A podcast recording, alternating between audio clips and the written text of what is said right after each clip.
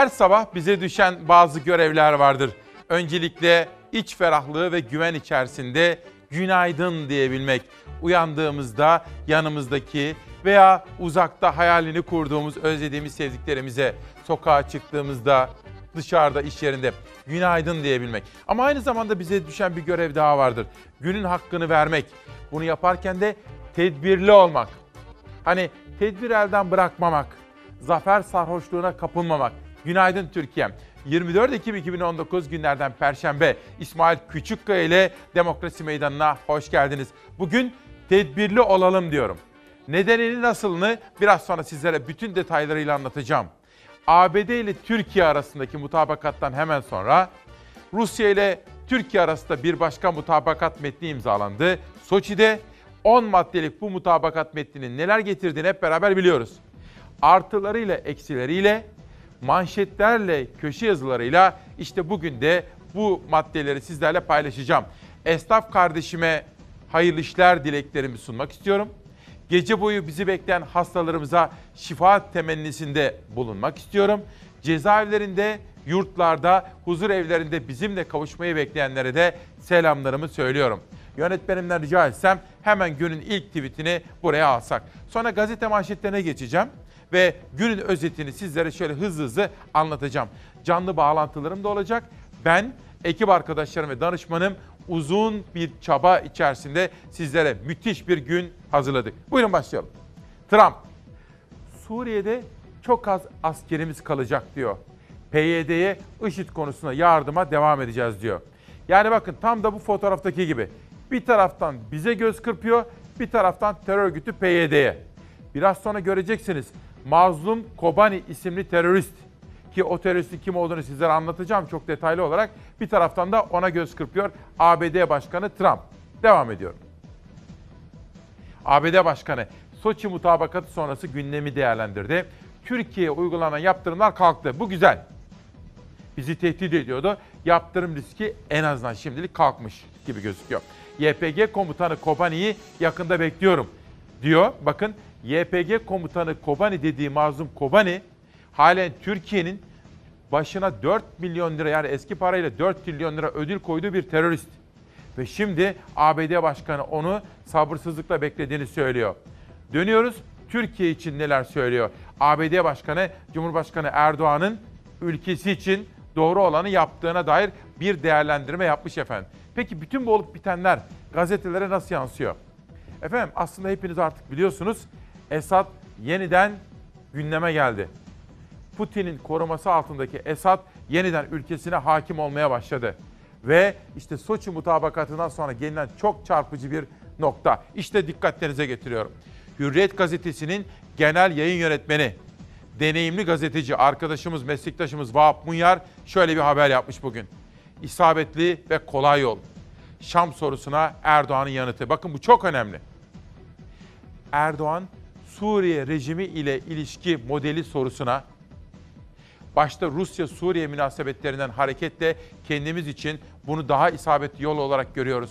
Görüşmelerde de bunun süreci daha kolay kılacağını gördük yanıtını verdi. Esad yönetimiyle ilgili bir manşet bakın ve Türkiye ile Esad yönetimi arasındaki belli kademelerde başlayan görüşmeler acaba üst seviyeye doğru çıkacak mı? Vahap Munya'nın köşe yazısından okuyoruz efendim. Temennim odur ki diyor Sayın Erdoğan, temennim odur ki bundan sonraki süreçte de biz bu münasebetleri yani Esad yönetimiyle, Esad devletiyle, Suriye devletiyle olan münasebetleri kolaylaştıracak adımları Dışişleri Bakanlığı olsun, Savunma Bakanlığı olsun, istihbarat olsun bunları devreye sokarak Rusya tarafından bu işi sürekli gündeme aldık ve gündemde de duracak. Bundan sonraki süreçte de biz bunları tabii yine kullanacağız. Bundan istifade de edeceğiz diyor. Efendim bakın burası o kadar önemli ki. Bence doğru nokta bu. Geciktik, bedel ödedik. Doğan Tılıç bugün işte bunu yazıyor. Arada geçen 8 yılda neler oldu ama sonuçta gelinen nokta Suriye'nin toprak bütünlüğü, bunu korumak ve savunmak, buna saygı göstermek ve Esad yönetimiyle devletimizin belli kademelerinin münasebetlerini sürdürmesi. Bugün günün manşetlerinde çok çarpıcı sürprizler var. Ama acaba ABD Başkanı gelişmeleri nasıl bir duygu durumuyla takip ediyor? İzleyelim mi?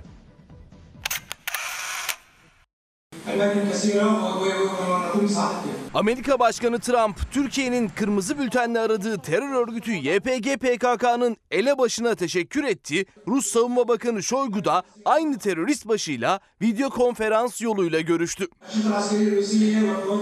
Türkiye, Suriye'nin kuzeyinde güvenli bölge oluşturmak ve bölgede terör koridoru oluşumunu engellemek için Barış Pınarı Harekatı'na başladı. Harekat sürerken güvenli bölge konusunda önce Amerika ile anlaşmaya varıldı. Teröristlerin güvenli bölgeden çekilmesi için 120 saat süre verildi. Terör örgütü YPG belirlenen bölgelerden çekilmeye başladı. 120 saatlik sürenin sonuna yaklaşırken Türkiye bu kez de Suriye'de etkinliği giderek artan Rusya ile görüşmeler yaptı. Soçi'de varılan mütabakatla YPG'li teröristlerin 150 saat içinde güvenli bölgeden çıkarılması kararlaştırıldı. Amerika Başkanı Trump 120 saatlik sürenin sona ermesi ve imzalanan Soçi mütabakatının ardından kameraların karşısına geçti. Güvenli bölge çalışmaları iyi gidiyor dedi. Gece saatlerinde bir kez daha konuştu. Türkiye ile olan anlaşmamız çok başarılıydı ifadesini kullandı. the safe zone in Syria and uh, are dealing with Turkey. It's been very successful. Turkey has uh, done what we've asked them to do. Amerika Başkanı kameraların karşısından ayrıldığında ise bir skandala imza attı. Sosyal medya hesabından terör örgütü YPG PKK'lı bir teröristin paylaşımını tekrar paylaştı ve Türkiye'nin başına 4 milyon dolar ödül koyarak kırmızı bültenle aradığı Mazlum Kobani adıyla bilinen PKK'lı terörist Ferhat Abdi Şahin'e teşekkür etti. Trump paylaşımında terör örgütü elebaşına general mazlum diye hitap etti. Seni yakın bir zamanda görmek için sabırsızlanıyorum dedi. Terör örgütü elebaşıyla görüşen sadece Amerika Başkanı Trump değildi. Rusya Savunma Bakanı Sergey Şovgu da aynı terörist başıyla video konferans yoluyla görüştü. Terörist başıyla yapılan görüşmede Şoygu'ya Rusya Genelkurmay Başkanı Gerasimov ve diğer Rus askeri yetkililer eşlik etti. Allah aşkınıza düşünebiliyor musunuz? Biz 4 milyon lira koyuyoruz başına ödül olarak. Eski parayla 4 trilyon lira terörist diyoruz. Ve hem ABD'nin başkanı hem de Rusya yönetimi el üstünde tutuyorlar teröristi. Biz kime güveneceğiz? Soru bu. PYD YPG'nin komutanı ve şimdi Trump diyor ki sabırsızlıkla bekliyorum Mazlum Kobani ile görüşmeyi. Bir teröristten bahsediyor. Al onu ver bu tarafa. Putin de aynısı. Bakın bugün gazeteci Yıldıray Oğur'un şöyle bir paylaşımı var. YPG komutanı paylaşılamıyor. Trump mentionlı yani Trump'ı da onun da dikkatini çekecek şekilde bak bak diyorlar ona da. Tweet atıyor. Rusya Savunma Bakanı medya önünde canlı görüşüp mesaj veriyor. Ve Trump ayrıca seninle görüşmeyi sabırsızlıkla bekliyorum diyor efendim. Çok enteresan bir dönem. Hürriyet Gazetesi'nin haberinden sonra geçelim sıradaki manşete ama buradan da sosyal medyayı sizlere anlatmak istiyorum. Hürriyet'ten sonra Milli Gazete gelecek. Euronews'te bunu konuştuk, geçelim. Bir başka paylaşıma geçsin. Ve sonra Sputnik gelecek. Geçelim arkadaşlar. Heh. ABD Hazine Bakanlığı, Türkiye'nin Suriye operasyonu sonrası Savunma ve Enerji Bakanlıklarına ve 3 bakana uygulanan yaptırımların kaldırıldığını açıkladı. Bu yaşadığımız sürecin olumlu tarafları. Ki Türkiye kazandı diyen yazarlara da bakacağız bugün. Sabah gazetesinde iki deneyimli isim hem Mehmet Barlas hem de Hıncal Uluç diplomasi yoluyla Türkiye'nin kazandığını, kazananın Erdoğan ve AK Parti değil Türkiye olduğunun altını çiziyor iki önemli isim efendim. Geçelim. Türkiye'nin Suriye'deki güvenli bölge girişimini reddeden Avrupa Parlamentosu yaptırımları değerlendiriyor. Tabii Avrupa'nın başı dertte. Güçlü, akıllı, bilgi bir lider yok şu anda orada. Dünyada da yok. Belki hani Putin kendi ülkesinin çıkarlarını korumak bağlamında. Ama ne olursa olsun Avrupa Birliği gerçekten de hem kendi değerleriyle çelişiyor hem de Türkiye'yi tamamen kaybetme tehlikesiyle karşı karşıya. Bakalım Ankara'ya yani bizim başkentimize. Cumhurbaşkanı Erdoğan'ın sözleri birinci sayfada. Cumhurbaşkanı Erdoğan, Putin biz teröristleri buralardan kesinlikle atarız dedi. Sözler tutulmazsa bizim için görev başlar diyor efendim. Yani Putin'in PYD, YPG konusunda Türkiye'ye net bir şekilde söz verdiğini ve Putin'in sözüne güvenleyeceğini söylüyor Cumhurbaşkanı Erdoğan. Hürriyet'teki bu habere daha sonra döneceğim. Önemli bir manşettir. Bir daha okumamı ister misiniz? Okuyalım peki. İlk başlığını en azından bir daha okuyalım. Vahap Munyar imzalı bir manşet. Şam sorusuna Erdoğan'ın yanıtı. İsabetli ve kolay yol. Ben bugün günün manşeti olarak bunu seçtim doğrusu. Vahap Munyar olağanüstü önemli bir manşete imza atmış bence. Erdoğan Suriye rejimi ile ilişki modeli sorusuna başta Rusya Suriye münasebetlerinden hareketle kendimiz için bunu daha isabetli yol olarak görüyoruz. Görüşmelerde de bunun süreci daha kolay kılacağını gördük yanıtını verdi. Tabii bizi bu noktaya getiren şartlar var. Bir de arkada Putin var. Putin Esad yönetimiyle Türkiye Cumhuriyeti'ni yakınlaştırmak istediğini defaatle dile getirdi. Defalarca. Ve biz de toprak bütünlüğüne saygı ilkesi çerçevesinde Esad yönetimiyle belli kademelerde görüşmelere başladık. Geçelim Hürriyet'ten Milli Gazete'ye. Hürriyet'e ikinci bir manşet için geri döneceğim. Milli Gazete Suriye'de barış kiminle olur? Suriye ile olur. Bu sözlerde Saadet lideri Karamollaoğlu'nun çözümün reçetesi olarak işte bunu sunuyor. Bence Türkiye büyük bedeller ödese de bugün Bir Gün Gazetesi'nde Doğan Tılıç hocamızın yazdığı gibi ama sonuç itibariyle gelinen noktada bu krizden çıkış için en doğru formül budur. Orta Doğu'daki problemleri, Orta Doğu'daki ülkelerin çözmesi gerektiğini tekrar eden Saadet Partisi lideri Temel Karamollaoğlu, Suriye'ye biz bir elbise giydirmeye çalışıyoruz. Yeni anayasa yapılacak. Yeni anayasayı kim yapacak? Suriyelilerin dışındakiler, Suriyelilerin dışındakilerin yapacağı anayasa Suriye'ye uyar mı uymaz mı? Bunu bile ne kadar gördüklerinden emin değilim. Ama Suriye'nin dahil olmadığı görüşme, anlaşma Suriye'deki problemlerin çözümüne katkı sağlamaz dedi. Dünyanın pek çok noktasındaki gelişmeleri sizlere aktarmaya gayret ediyorum. Cezaevinden gelen mektuplar, fotoğraflar var efendim. Cezaevleriyle ilgili haberleri de selamları da biraz sonra sizlere aktaracağım. Hastanelerimize ge- geçmiş olsun mesajlarımızı da yolluyorum. Şimdi Amerika'dan gelelim Türkiye'ye. Milli Savunma Bakanı Hulusi Akar acaba hangi noktaların altını kalın bir çizgiyle dikkat çekerek çizdi?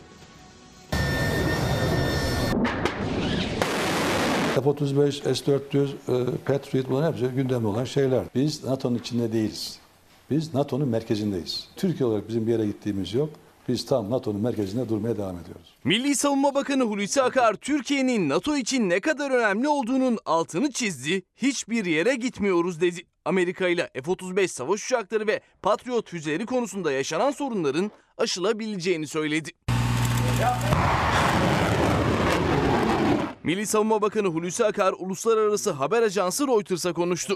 Barış Pınarı Harekatı'nın amacını bir kez daha dile getirdi. Amerika ve Rusya ile yapılan mütabakatlarla Suriyeli mültecilerin evlerine, topraklarına dönmeleri için çalışıldığını söyledi. Suriyeli kardeşlerimizin e, evlerine, normal hayatlarına dönebilmelerine katkı sağlayabilmek. Amacımız bu, dileğimiz bu, çalışmamız bu yönde. Finansı ve diğer işte ülkelerin de katkısıyla ben bu işin gerçekleşmesi, hayata geçmesi için çalışmalar sürüyor. NATO ve Amerika Birleşik Devletleri ile ilişkiler de gündemindeydi Milli Savunma Bakanı'nın. Önce F-35'ler ve Patriot'lar konusuna değindi. Biz F-35'te ortağız. Arkadaşlar biz 30 efendim oraya biz yıllarca efendim para ödedik, para ödedik efendim. Hatta şu anda 1,5 milyara yakın orada paramız söz konusu. Ve hala da biz sorumluluklarımızdan hiçbir şey olmamış gibi yerine getirmeye devam ediyoruz. Fakat bu konuda işte bazı işte şu anda sıkıntılar var. Ben o sıkıntıların aşılacağını değerlendiriyorum. Bakan Akar, Amerika Birleşik Devletleri'nin Patriot savunma sistemini alabiliriz. Cumhurbaşkanı Erdoğan'ın Amerika ziyareti sırasında bu konu gündeme gelebilir dedi. İlave savunma sistemine tabii ki ihtiyacımız var. Eğer şartlarda anlaşabilirsek, usullerde anlaşabilirsek tabii ki biz Patriot alabiliriz. Sık sık gündeme gelen NATO üyeliği konusunda da bir yere gitmiyoruz diyerek net mesaj verdi Hulusi Akar. Biz NATO'nun içinde değiliz. Biz NATO'nun merkezindeyiz. Sözcü gazetesi yazarı Zeynep Gürcanlı da bir süredir Hulusi Akar'ın bütün bu süreçte yıldızının parladığının altını çiziyor efendim. Böyle paylaşımlar yapıyor ve işte bugün de çok farklı gazetelerden, köşe yazılarından sizlere alıntılar yapacağım. 24 Ekim sabahında İsmail Küçükkaya ile Hakikat Yolculuğunda tedbirli olalım diyorum ben. Zafer sarhoşluğuna kapılmayalım. Yaşadığımız büyük bir zafer değil kazanımlarımız var. Mehmet Barlas Sahıncalı Uluç'un altını çizdiği gibi Türkiye kazandı. Ama temkinli olmamız gerekiyor. Risklerimiz, tehlikelerimiz de var efendim. Ben bu sabah işte temkinli bir iyimserlik duygusu içerisindeyim ve tedbirli olalım diyorum. Dilip Akın da yazdığı gibi yine bugün uzun bir bilanço kaleme almış Akit gazetesinde tedbirli olmamız gerekiyor bizim. Çünkü Amerika'nın, Rusya'nın, Çin'in ipiyle kuyuya inilir mi? Dilip Ak da bu gerçeği bize hatırlatıyor. Erdoğan'ın sözleri gündem oldu. Erdoğan'ı onun gezisinde o tarihi zirvede izleyen gazeteciler ve işte oradan yansıyan bir fotoğraf. Cumhurbaşkanı Erdoğan, Putin, YPG'nin rejimin elbiselerini giyerek arazide kalmasına izin vermeyeceklerini söyledi. Fotoğrafa biraz daha dolalım. Bakalım Cumhurbaşkanı etrafında hangi gazeteciler var? İşte bakın biraz evvel Hürriyet Gazetesi'nden Vahap Muyan'ın haberini de sizlere aktarmıştım. Şöyle bir baktığınız zaman Erdoğan'ın gezisine eşlik eden gazetecileri görüyorsunuz. Geçelim, devam edelim. Yaşadığımız sıkıntı. Neden tedbirli olalım? Şimdi bana söyler misiniz? Trump'a güvenebilir misiniz efendim? Ben güvenmem. Putin'e güvenmem. Uluslararası ilişkilerde Churchill'in söylediği gibi ezeli ve ebedi dostluk yoktur. Ulusların kendi çıkarları vardır. Ben güvenemem. Güvenemediğimi nereden anlıyorum? Dün hem Amerika'dan hem de Rusya'dan gelen mesajlar. Düşünsenize nasıl güveneceksiniz? Biz terörist demişiz, yakalayana 4 milyon lira ödül koymuşuz. ABD Başkanı ona mektup yazıyor, telefon açıyor, tweet atıyor. Seninle görüşmek için sabırsızlanıyorum diyor. ABD Başkanı bunu yapar da Rusya, Kremlin durur mu? Onlar da bir gül atıyorlar. Kime? Terörist başına. Bakalım. Suriye Demokratik Güçleri Genel Komutanı Mazlum Kobani. Mazlum Kobani de bu kişinin takma adı efendim. Gerçek adı bu değil. Trump işbirliğini sürdürme sözü verdi diyor. Bakın işte ben bunun için söylüyorum. Nasıl güveneceğim ki? Devam. Sözde komutan bu. Trump'tan SDG lideri Mazlum Kobani'ye teşekkür. Bakar mısınız? Sözde komutana teşekkür ediyor. Bütün bu gelişmeleri dikkatle takip eden bir önemli isim. Metin Gürcan. Vay be! Sanırım kanki oldular. Sorun basit. Şimdi bu harekatla acaba YPG'yi PKK seviyesine mi indirdik? Yoksa PKK'yı YPG seviyesine mi çıkardık? Uluslararası kamuoyu nezdinde yorum sizin diyor Metin Gürcan terörist başı ile ilgili Mazlum Kobani ile ilgili bu gelişmeleri anlatırken. Bir de gazete haberlerine geçelim efendim. Hürriyet'le Milli Gazete'ye döneceğim. Lakin sırada Sözcü Gazetesi'nin haberi var. Onu da sizlere bir aktarmak ve sizi sınırının öte yakasına götürmek istiyorum sonra. Bu vebal kimin? Sözcü soruyor. Vatan haini deyip polislikten attılar. Ama o vatanı uğruna şehit düştü. Şimdi vicdanlar soruyor. Bu vebal kimin? Lütfen Türkiye'm sabahın bütün zihin açıklığı içinde dikkatle sadece gözlerinizle kulaklarınızla değil kalbinizle de bu olayı yaşamanızı istiyorum. Adı Zekeriya Altınok. O bir polis, polisti. 2017'de FETÖ ile suçlandı. KHK ile atıldı. Tutuklu yargılandı. 16 ay hapiste kaldı. Suçsuz olduğu anlaşılınca hapisten çıktı. Askere gitti. PKK saldırısında şehit oldu. Fotoğrafa iyice bir dolduğunuz zaman bu kahraman polisimizin fotoğrafı var bakın efendim. İyice bir bakın. Oğlu Gökdeniz Altınok, annesi Nurgül Hanım, oğlu Ahmet Eren, eşi Vildan Altınok. Şunu bir dakika. Serdar haberi vardı bunun. Ama lütfen bunu şöyle canlandırmanızı istiyorum. Sizi sınırın öte yakasına götüreceğim. O haberi bir tuttum ama bunu bir vermek istiyorum sizlere önce. Çünkü Suriye'nin yani sınırın Suriye tarafına götüreceğim. O haberler hazır da. Fakat şimdi tam yeri ve zamanı geldi. Ama bu haberleri izlerken ta uzaklarda bilmediğiniz, tanımadığınız birinin haberiymiş gibi bir hikayeymiş gibi, bir romanmış gibi, bir filmmiş gibi değil efendim. Hayır. Şöyle istedim. Bu kişi sizin babanız olabilirdi. Yani sizin babanız bir polis olabilirdi efendim. Eşi ve iki çocuğu ona böyle veda etti. PKK'lı teröristlerin saldırısında şehit düşen er, gözyaşları ve dualarla sonsuzluğa uğurlandı. Allahu Ekber. Ağrı'nın Doğu Beyazıt ilçesinde İran sınırında devreye gezen askeri araca pazar günü PKK'lı teröristler roketle saldırdı. Yaralı olarak hastaneye kaldırılan 5 askerden Zekeriya Altınok kurtarılamadı. Şehit düştü.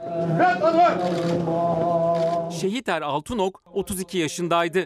Evliydi. 5 yaşındaki Ahmet Eren'le 3 yaşındaki Gökdeniz'in babalarıydı. Şehidin memleketi Kayseri'deki cenaze törenine eşi Bildan Altınok kendisinden geriye kalan polis üniformasıyla katıldı. Oğluna da polis kıyafeti giydirdi. Çünkü şehit Zekeriya Altınok 2017 yılında FETÖ soruşturması kapsamında KHK ile meslekten ihraç edilen eski bir polisti. 16 ay cezaevinde yattıktan sonra Yargıtay'ın kararı bozmasıyla yeniden yargılandı ve beraat etti. Daha sonra da vatani görevini yapmak üzere askere gitti. Seni ne güzel belemişler. Şehit Er, Kayseri Garnizonu ve Hava Şehitliği'ne defnedildi. Şehidimizin ailesine, evlatlarına, yakınlarına, ulusumuza başsağlığı ve sabır diliyorum efendim. Canlandırdınız mı efendim? İşte boşuna değil. Bizim 7. yılımızda burada yaptığımız bütün bu buluşmalarda hukuk, hak, vatandaş hukuku, hukukun üstünlüğü gibi kavramları sürekli dile getirmemizin altında yatan sebep budur. Bu çok önemli. Bu konuya biraz sonra değineceğim efendim. Dün sizlere bir soru sormuştum. Ne dersiniz? Türkiye'deki 3.6 milyon Suriyeli ülkelerine dönecekler mi? Canip Karakuş. Dün seninle yaptığım programdan sonra fabrikaya gittim. Ve orada beraber çalıştığımız kardeşlerimize, Suriyeli arkadaşlarımıza sordum. Döner misiniz? Bak İsmail Küçükkaya soruyor. Sevgili İsmail, Ankara'da işte ben bunu sorduğum zaman hayır bizim burada rahatımız, keyfimiz yerinde. Biz neden buradan gidelim diye soruluyor. Canip Karakuş aynı zamanda bir iş adamı ve tekstille ilgili bir derneğinde başkanı efendim. İşte durum budur. Sözcüye döneceğim ama önce bir Türk Gün Gazetesi'ne geçelim. Bu taraftan da sizlere bir manşet daha aktarmak isterim. Biraz evvelki soruyu tekrar edeyim sizlere. Güvenir misiniz efendim Trump'a? Siz, siz olsanız güvenir misiniz? Ben güvenmem. Putin'e? Ona da güvenmem. Hayır güvenmem. Ben kendi ülkemin menfaatlerine bakarım. Bakalım. BBC News. YPG komutanı Redur Halil. Çekilme sürecinde sorumlu davrandık. Zararımızın bir şekilde karşılanmasını istiyoruz. Şimdi tabii bir taraftan Amerika ile bir taraftan Rusya ile emperyal güçlerle dans etmeye çalışıyorlar ama biraz ortada kaldı PYD YPG. Bu konudaki haberleri detaylı olarak sizlere aktarma imkanı bulacağım. Sözcüden Türk Gün'e geldi. Bu kuşakta Türk Gün, diğer kuşakta Yeni Çağ gazetesini sizlere aktarma imkanı bulacağım efendim. Büyük oyunu bozduk. Cumhurbaşkanı Erdoğan gerek ABD gerek Rusya ile olan anlaşmalarımızda eğer verilen sözler yerine gelmez ise, getirilmez ise bizim için atılması gereken adımlarda herhangi bir değişiklik söz konusu değildir dedi. Türk Gün gazetesinde düne dair bence günün önemli fotoğraflarından biri vardı. Bir süre önce rahatsızlanan ve tedavi sürecinin ardından partisinin genel merkezindeki görevine başlayan MHP lideri Devlet Bahçeli'yi ziyaret etti Cumhurbaşkanı Erdoğan. Cumhur İttifakı'nın iki ortağı dün bir aradaydı. Cumhurbaşkanı Erdoğan'dan Bahçeli'ye ziyaret işte Türk Gün Gazetesi'nin birinci sayfasında böyle bir haberle kendisine yer bulmuş efendim. Türk Gün'den geçelim bir sonraki manşete. Geçelim. Türk Gün'den sonra Cumhuriyet. Bakalım Cumhuriyet'in manşetlerinde neler var. Buradan sizlere 3 ayrı haber seçtim. 1. Mustafa Çakır'ın haberi. Hükümet 2020 hedeflerini tutturmak için limanları, kömür sahalarını, işletmeleri, HES'leri özelleştirecek. Bu arada tabii şimdi ülkemizin gerçek gündemine de dönmemiz gerekiyor. İş arayan işsizler, EYT'liler hak mağduriyetinin giderilmesini istiyorlar. Cezaevlerinden güzel haberler bekleyenler veya onların yakınları, atama bekleyenler, işlerinin açılmasını bekleyen iş adamları, esnaf kardeşim, maaşları ile geçinemeyen emekliler, onların da derdinin dinlenmesi, üreticinin artık hak ettiği yaşam standartına kavuşması gerçek gündem. Okuyalım. Kaynak yaratmak için en kolay yolu seçen AKP özelleştirmelere devam dedi. Bütçede Güllük, Tekirdağ, Gökçeada Kuzu, Fenerbahçe Kalamış yat limanları taş ucu satılacak limanlar olarak yer aldı. Otoyol ve köprüleri de unutmayan AKP önce satış stratejisi belirleyecek. Kalan şeker fabrikaları ve Sümerbank'a ait 47 işletme, 45 iştirak, 390 mağazada satış listesinde. Bugüne kadar 62.1 milyar dolarlık kamu malını elden çıkaran ve bununla övünen hükümet hedefini biraz daha büyütmüş gibi gözüküyor. Bugüne kadar 273 kuruluşta hisse veya varlık satış devri yapıldı. AKP 18 elektrik dağıtım şirketinin tamamını özele devretti. 10 termik santral ile 89 HES satıldı. 15 HES'in satışı yapılacak. Tabii efendim bütçe tam takır. Rakamlara baktığımız zaman ekonomide işler yolunda değil. Bunu piyasalardan görüyoruz. Esnafın yanına gittiğin zaman bunu anlıyorsun veya iş adamlarıyla konuştuğun zaman bunu anlıyorsun. Ama acaba sat sat nereye kadar? Hala bu kadar satılacak ürün veya kurumda kaldıysa da bu da enteresan yani. Değil mi? Bak bunları da satacaklar yakında. Devam edelim. Cumhuriyet'ten bir haber daha gelecek. Sınırı Suriye gözetleyecek. İşte sınırın öte yakasına gitmenin zamanı geldi. Şu haberi okuyayım. Sizi terör örgütü unsurlarından temizlenen ve halen kahraman askerlerimizin görev yaptığı bölgeye götüreceğim. Erdoğan ve Putin'in Soçi uzlaşısı Fırat'ın doğusunda Türkiye'nin güvenli bölge kurma hesaplarını değiştirdi. Erdoğan'ın 12 gözlem noktası planı rafa kalkarken Rusya Suriye ordusunun sınırda 15 gözlem noktası kuracağını duyurdu. 10 kilometre derinlikte yapılacak Türk-Rus ortak devriyesinin de simgesel kalacağı belirtiliyor. Nasıl buldunuz efendim Soçi'deki mutabakatı? Tabii harekatın çok daha derinleşmemesi, buna artık ihtiyaç kalmaması Milli Savunma'nın açıkladığı gibi. Bu önemli. Sonra tam sınırımızdan terör unsurlarının temizlenmiş olması da. Ama başkaca riskler var. Mesela IŞİD riski var. Ruslar dibimize kadar geldi. Bu da bir başka risk. Bazı belirsizlikler var. Mesela, mesela PYD, YPG sınırdan gitti. Nereye gitti? Silahları ne olacak? Onlar orada acaba ne yapacaklar? Bütün bunlar da yanıtlanmayı bekleyen soru işaretleri.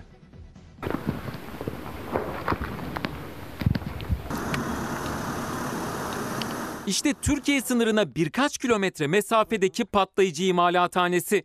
Teröristler burada havan topu ve patlayıcı üretiyordu. Sınıra konuşlandırdıkları el yapımı havanlarla da Türkiye'yi sivilleri hedef aldılar. Hemen arkamızda 2 kilometre gerimizde binaların gözüktüğü yer Akçakale, Türkiye tarafı. İşte bulunduğumuz yerde Tel Abyad'ın sınır hattında bulunan yer. Burada hemen önümüzde bulunan plastik borular teröristlerin kendi elleriyle yaptığı roket atarlar. Tel Abyad teröristlerden temizlendikten sonra Türk Silahlı Kuvvetleri bu manzarayla karşılaştı. El yapımı havanların hedefinde Akçakale vardı. Yani siviller. Bölgede terör sonlandırılınca hem imalathaneler hem de teröristlerin bırakıp kaçtığı silahlar ele geçirildi. Roket. Roket. Bu PKK'nın.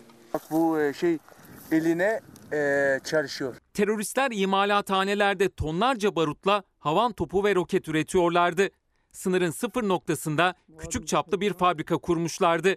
Türk Silahlı Kuvvetleri ve Suriye Milli Ordusu Tel Abyad ve Rasulayn'da aramalara devam ediyor. Bulunan cephanelikler imha ediliyor. İşte bakın çok tarihi önemdeki sabahlardan bir tanesiyiz. Amacımız şu. Türkiye, İran, Irak, Suriye toprak bütünlüğünü koruyalım. Ve demokratik bir ülke, huzur içerisinde yaşayan bir Orta Doğu'yu inşa edelim. Aradığımız şey huzur. Kimsenin kimseyi ötekileştirmediği, kimsenin kimseye üstünlük taslamadığı, eşit vatandaşlık Türkiye'de mesela. Biz hepimiz eşitiz ya. Huzur, barış, esenlik istiyoruz. Hiçbirimizin sizin bana benim size üstünlüğüm yok. Eşit vatandaşız. Aynısını Orta Doğu denkleminde de görmek istiyoruz. Amacımız budur efendim. İşte sosyal medyanın manşetleri. ABD Başkanı, Türkiye Suriye sınırında büyük başarı. Güvenli bölge oluşturuldu. Ateşkes ilan edildi ve muharebe görevleri sona erdi. Kürtler güvende ve bizimle çok iyi çalıştı. Tutuklu DAEŞ'ların durumu teminat altına alındı. Hani ABD Başkanı Soçi ile yani Soçi'de Türkiye ile Rusya arasındaki mutabakattan memnun gözüküyor. Devam edelim. İçeride terörle mücadelenin boyutlarını da İçişleri Bakanı Süleyman Soylu'dan öğreniyoruz. İlk etapta 3069 DH'lı yani IŞİD'liyi etkisiz hale getirdik.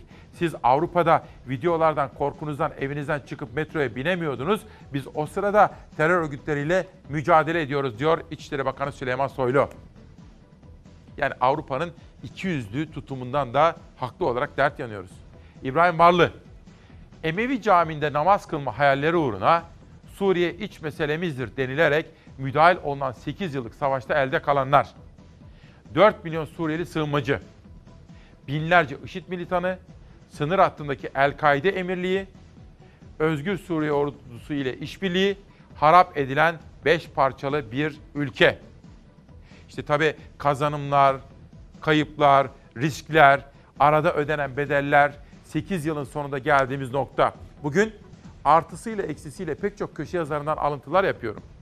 Mesela az evvel ifade ettim Mehmet Barlas'sa Hıncal Uluç da diplomasi yoluyla Türkiye'nin kazandığını, Erdoğan'ın ve AK Parti'nin değil, Türkiye'nin kazandığının altını çiziyorlar. İşte eleştirel yaklaşan da, olumlu yaklaşan da var efendim.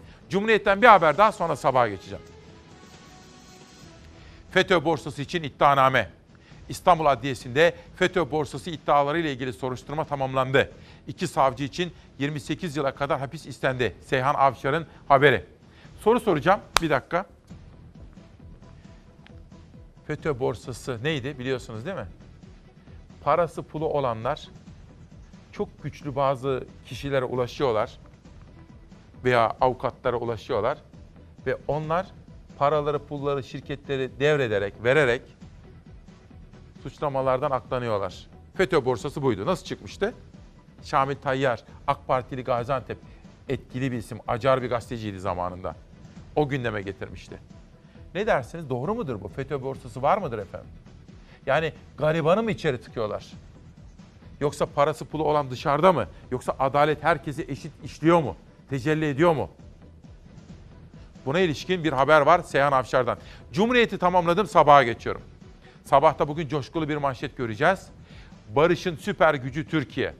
Türkiye Erdoğan'ın liderliğinde sahada ve masadaki hamleleriyle Suriye'de büyük bir insani felaketi önledi. Barış'ın süper gücü oldu.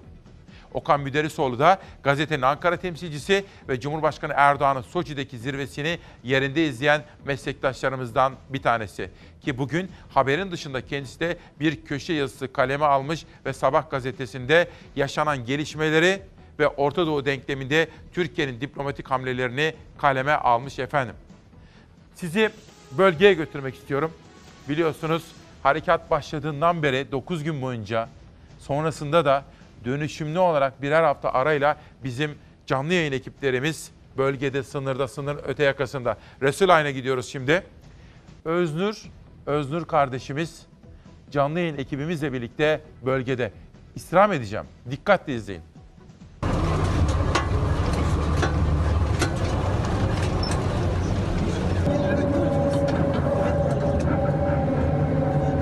Burası Rasulayn şehir merkezi günlerce çatışmaların sürdüğü yer. Tam 6 yıl önce girmişti teröristler bu bölgeye ve kontrol altında tutuyorlardı. İşte o süre içerisinde şehrin sokakları, sokakların girişine böyle beton bloklar kurdular ve giriş çıkışları engellediler. Operasyon başlarken de özellikle insansız hava araçları görüntü alamasın diye siyah dumanlar yükseliyordu bölgeden. İşte o siyah dumanların kaynağı da bu burası. Bu varillerin içinde bu teneke varillerin içinde petrol var. O petrolü yakıyorlardı ve buradan çıkan siyah dumanlar sayesinde de insansız hava araçlarının kendilerini görüntülemesine engel oluyorlardı. Şu anda bölgede durum nasıl? Çok güzel, çok güzel. Patlay o anlamda değil, patlayıcılar falan Var. Biraz El yapım patlayıcı. Bir şey patladı, bir tuzak patladı. tuzaklar var. Patlatıyorsunuz. Çok güzel olacak inşallah. Dönecekler, millet iş buraya dönecekler inşallah çok güzel inşallah. inşallah. İnşallah. Teröristlerin Rasulayn'da insansız hava araçlarından kaçmak için kullandıkları bir diğer taktik işte bu. Sokakların üzerine böyle tenekeden çadırlar yaptılar. Böyle bir yerüstü tüneli oluşturdular ve böylece de insansız hava araçlarının kendilerini görüntülemesine engel olmaya çalıştılar. Ama bunların hiçbiri teröristler için sonuç vermedi ve bugün burada Mehmetçik ve Suriye Milli Ordusu güçleri var. Rasulayn'daki belediye binası burası yıllarca teröristlerin sözde karargah olarak kullandığı bina. Şu anda binanın üstünde Suriye Milli Ordusu güçleri ve Mehmetçik var. Barış Pınarı Harekatı sürerken bölgede Amerikalıların teröristlere verdiği destek de gün yüzüne çıktı. İşte bu Amerikan zırhlı araçları PKK'lı YPG'li teröristlerin elindeydi. Onlar kullanıyorlardı. Mehmetçik ve Suriye Milli Ordusu güçleri bunları ele geçirdi. Şu anda da sınır hattında tutuluyorlar. Teröristlerin sivil yaşamı imkansız hale getirdiği Rasulayn'da işte evlerin durumu sivillerin evleri kullanılamaz halde. Çünkü oraları mevzi olarak kullandılar. Türkiye'ye ateş ettiler ama Türkiye'nin amacı bölgede işte bu evleri yeniden kullanılabilir hale getirmek. Burada sivillerin yaşamını yeniden mümkün kılmak. Çok farklı yazarlardan bahsediyorum ya. Bugün Barış Terkoğlu Cumhuriyet Gazetesi'nde Erdoğan'ın kırmızı çizgisi nedir? Çözüm süreci dedikleri süreçte Erdoğan'la Öcalan arasında yapılan görüşmelerde acaba hangi konuda ne sorun çıktı? Hani aracılar gidiyorlardı, geliyorlardı ya. Barış Terkoğlu bugün böyle bir yazı kalemi almış. Erdoğan benim kırmızı çizgimdir demiş bir konuda. Sırrı Süreyya Önder gitmiş terörist başına da Sayın Başbakan o zaman Başbakan kırmızı çizgisi buymuş demiş. O da terörist başı da bir şeyler söylemiş. Ve PYD'nin kuruluşu, burada İmralı'nın pozisyonu hepsi Barış Terkoğlu'nun yazısında var. İlerleyen bölümlerde bir bölümü sizlere aktarma imkanı bulacağım efendim. Şimdi sınır bölgesine gidiyoruz. Öznur Aslan karşımızda. Öznur, günaydın. Az evvelki haberi de izledik. Sahada olmanızın getirmiş olduğu gazetecilik refleksleri çok teşekkür ediyoruz. Son derece kritik ve önemli haberler ve detaylar geliyoruz. Ve bugün itibariyle biz İsmail Küçükkaya Demokrasi Meydanı'nda tedbirli olalım diyoruz. Amerika ile yapılan mutabakat, akabinde Rusya ile Soçi'deki mutabakat ve şimdi sizin bulunduğunuz bölge, saha, orada neler oluyor?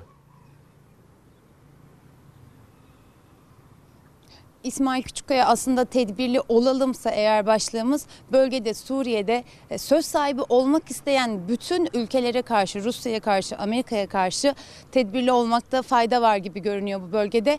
E, Burada neler oluyor? Öncelikle Ceylanpınar'ın karşısındaki Rasulayn'da ve şu an bulunduğumuz Akçakale'nin hemen karşısındaki Tel Abyad'da e, Suriye Milli Ordusu güçleri ve Türk Silahlı Kuvvetleri Mehmetçik var ve burası mevcut durumunu koruyor. Barış Pınarı Harekatı'nın başladığı iki bölge burası buralar. Buralarda mevcut durum devam ediyor. Mehmetçik içeride, Suriye Milli Ordusu güçleri içeride. Hala el yapım patlayıcıları temizliyorlar. Hala tuzakları imha etmeye çalışıyorlar ve hala sivillerle teröristleri birbirinden ayırt etmeye çalışıyorlar. Bunu neden söylüyorum? Çünkü e, teröristler üzerlerindeki kıyafeti değiştirdikten sonra bir sivil gibi görünebilirler. Dolayısıyla da sivil mi, terörist mi, gerçekten sivil mi yoksa terörist mi bunu anlamak çok zor. İşte bu yüzden de Mehmetçik de çok tedbirli olmak zorunda bölgede. Sivil olarak bakıyoruz herkese. Tabii ki can güvenliklerine önem veriyor Mehmetçik ama yine de soru işaretleri var. Dikkat ediliyor özellikle tünellerde arama çalışmaları devam ediyor. Tünellerdeki tuzaklar imha ediliyor çünkü her bir bölge, her bir şehir 6-7 yıldır teröristlerin işgali, kontrolü altında ve bu 6-7 yılda da ne yazık ki boş durmamışlar ve şehirlerin altını köstebek gibi oymuşlar. Biz dün Rasulayn'a geçtik ama oradaki tünelleri henüz göremedik çünkü tam anlamıyla temizlenmiş değildi. Hatta bazı binaların yakınına bile yaklaşmadık. Çünkü henüz el yapım patlayıcılar imha edilmemişti. Bu iki bölgede durum böyle. Henüz çalışmalar sürüyor. Tam anlamıyla tamamen güvenli değil henüz patlayıcılar imha edilecek ve sonrasında güvenli hale gelecek diye bekliyoruz. Diğer taraftan Aynel Arap bölgesi var, Menbiç bölgesi var.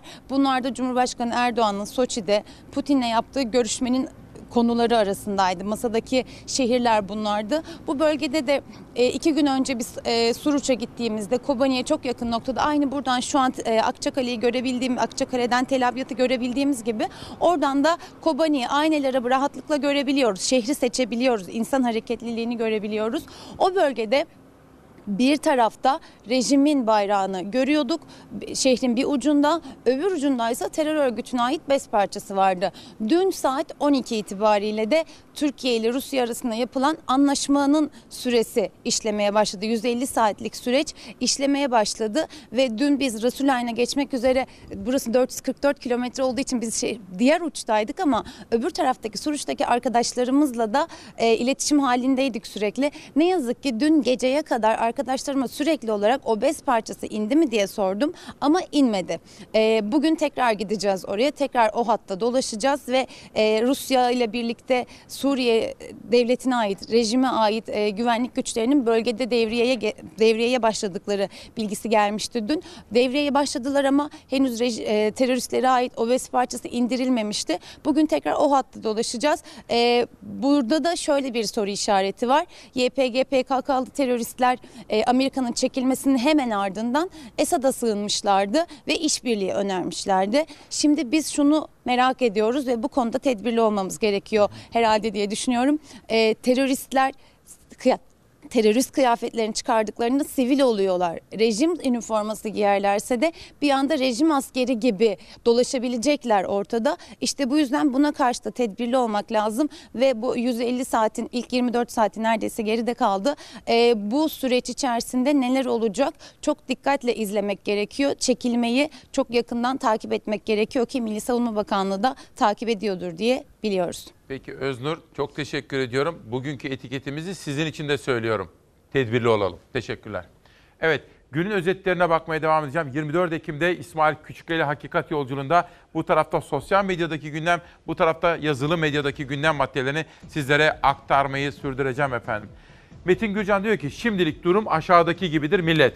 Ne eksik ne fazla. Yalın gerçek bu. Bir fotoğraf paylaşmış Türkiye-Suriye sınırı ve Suriye'nin topraklarından meydana gelen en son durum. Bakın burada Amerika var. Burada işte şurası Türkiye biliyorsunuz ve burası bizim güvenli bölge dediğimiz bölge. Ama bizim askerlerimiz şurada. Burada şimdi Rus ve Esad rejimin askerleri var. Burada da rejimin askerleri var. Burada da Suriye Demokratik Güçleri dediğimiz PYD-YPG unsurları da bu tarafa doğru geldi. Soru işaretlerinden biri bu. Ne yapacaklar bu PYD-YPG'ler, silahları vesaire? Amerika'da daha çok kendisi açısından şimdi stratejik olarak gördüğü ve petrol sahalarını muhafaza altına aldık dediği bölge efendim. Bu da Metin Gürcan'ın paylaşımlarında. Saatler 7.58'e doğru yol alırken merak ediyorsanız 24 Ekim'in hava durumu. Özellikle Marmara bölgesini ve İstanbul'u e, kuru, ayazı daha fazla bir kış bekliyor. Kurak, az yağışlı ama soğuk bir kış yaklaşıyor. Boğaziçi Üniversitesi Meteoroloji Laboratuvarı kış için beklentilerini açıkladı. Kasım ayının sonunda kar gelebilir. Özellikle Kasım ayı içerisinde e, sıcaklıklar ortalamaların altına düşecek. E, bu da Kasım ayı içerisinde kar yağışı özellikle Kasım'ın sonuna doğru kar yağışı olasılığını e, arttırıyor. Bu kış öncekilerden farklı olarak Kasım ayında hava çok üşütecek. Sıcaklıklar Kasım ayında olması gereken ortalama değerlerin çok daha altında kalacak. Bu da kar yağışı ihtimalini güçlendiriyor. Ancak uzun süre yerde kalan, miktar ve şiddet olarak fazla olan kar yağışları şimdilik beklenmiyor. Bu kış her sene olduğu gibi en çok yağışsa Ocak ve Şubat aylarında düşecek. Ancak bu kış her senekinden daha az yağış olabilir.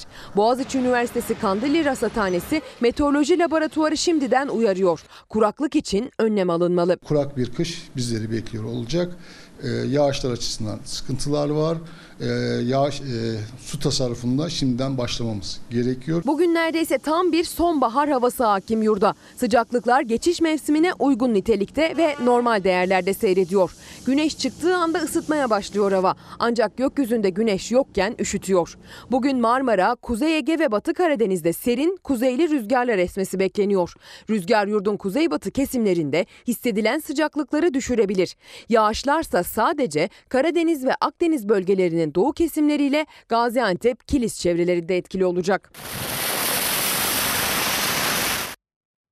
Hava durumu da böyle. İşte bugün önemli sabahlardan bir tanesi Kazım Karagöz. O da hemen hemen her sabah tartışmasız ve istisnasız bizimle birlikte. İsmail kardeşim günaydın. Hem Rusya hem ABD tedbirli olalım. Emperyalizmin oyunlarına ve tuzaklarına kapılmayalım diyor. Dilipak'ta hep bunu yazıyor biliyorsunuz. Kazım Karagöz. Ve Mert kardeşim çok teşekkür ediyorum. Dün buraya Yanındayız Derneği Başkanı geldi Nurger. Evet verdi bana kırmızı bir ruj, ruj ve bir ayna verdi. Bunun hikayesini yarına anlatmanı isteyeceğim dedi. Bugün o hikayeyi ilerleyen bölümlerde aktaracağım. Yayın bitti. Çağdaş Yaşamı Destekleme Derneği Başkanı Ayşe Hanım aradı beni. Ve onunla da konuştuk. Bu sene biliyorsunuz maratonda Çağdaş Yaşamı Destekleme Derneği için koşacağız ve bağışta bulunacağız. Hatta arkadaşlarımız başladılar efendim internet aracılığıyla ve iyilik için böyle bir şey yapacağız. Çağdaş Yaşamı destekleyeceğiz. Ve bu arada Ayşe Hanım'la da uzun uzun konuştuk. Hatta biz kendisiyle ben hatırlamıyordum. Gıyabında tabii ki çok tanıyorum, çok hani saygı duyuyorum verdiği mücadeleye kız çocuklarımızı okutmak konusunda. Ama ta Van 100. Yıl Üniversitesi zamanında Yücel Aşkın o zaman FETÖ mağduruydu. Onun yanına gittiğimiz zaman tanışmışız Ayşe Yüksel Hanım'la. Size oradaki detayları ilerleyen bölümlerde anlatacağım. Yanındayız Derneği'nden de bahsedeceğim. Biliyorsunuz dün Yanındayız Dernek Başkanı dedi ki sizi 100. üyemiz olarak aramıza almak istiyoruz ve onu size ayırdık dedi. Ben de memnuniyetle, şeref duyarak kabul ettim. Anadolu Ajansı. Yani bu sene içinde bulunduğumuz 7. yılda işte böyle felsefeleri daha da derinleştirerek hayalini kurduğumuz, hedeflediğimiz ülkeye ulaşmak için çok çalışacağız efendim. Milli Savunma Bakanlığı yeni bir harekat icra edilmesine gerek kalmamıştır. Hem Amerika ile hem de Rusya ile varılan mutabakattan sonra yeni bir askeri harekata gerek kalmadığını açıkladı Milli Savunma Bakanlığı.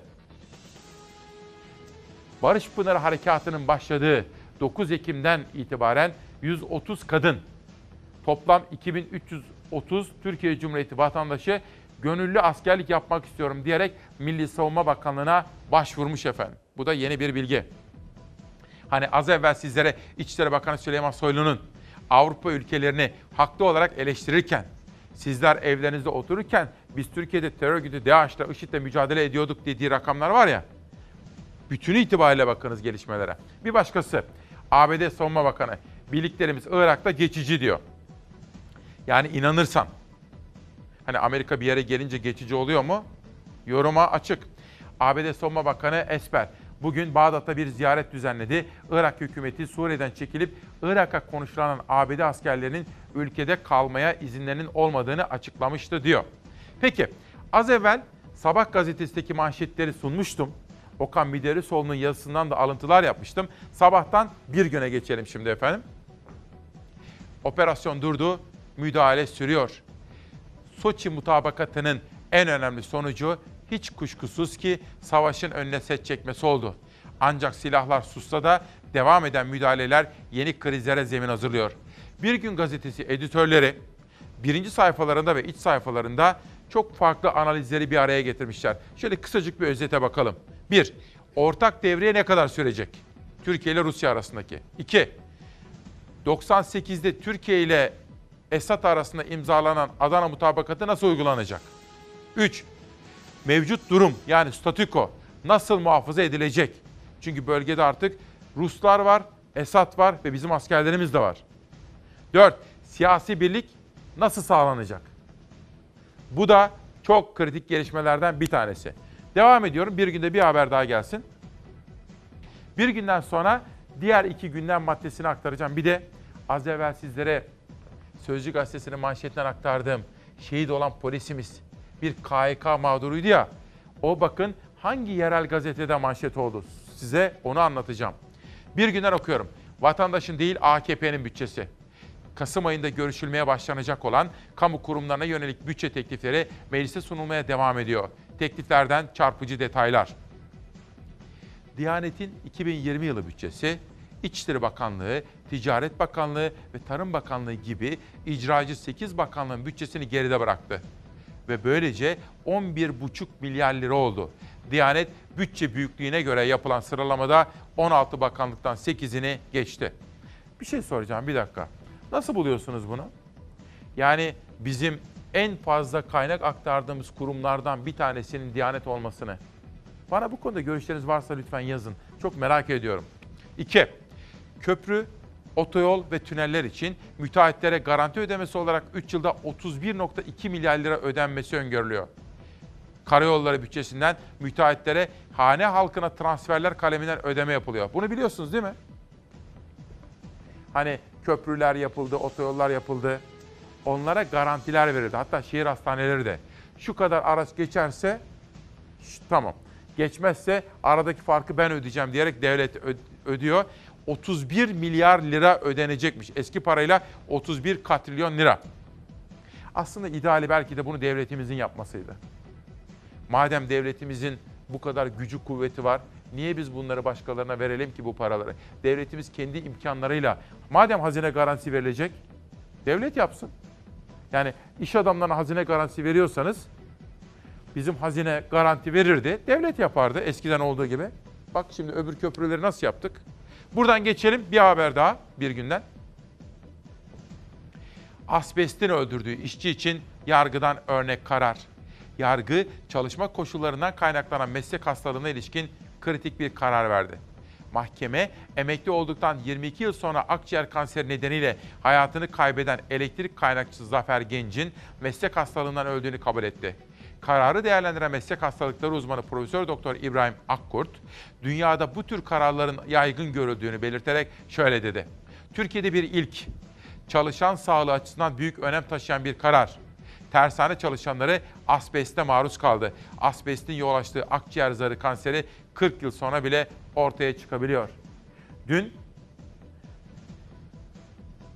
Samsun Çarşamba'da yapılması planlanan santralle ilgili çevre dostları, doğal hayatı savunanlar da bir araya geldiler efendim.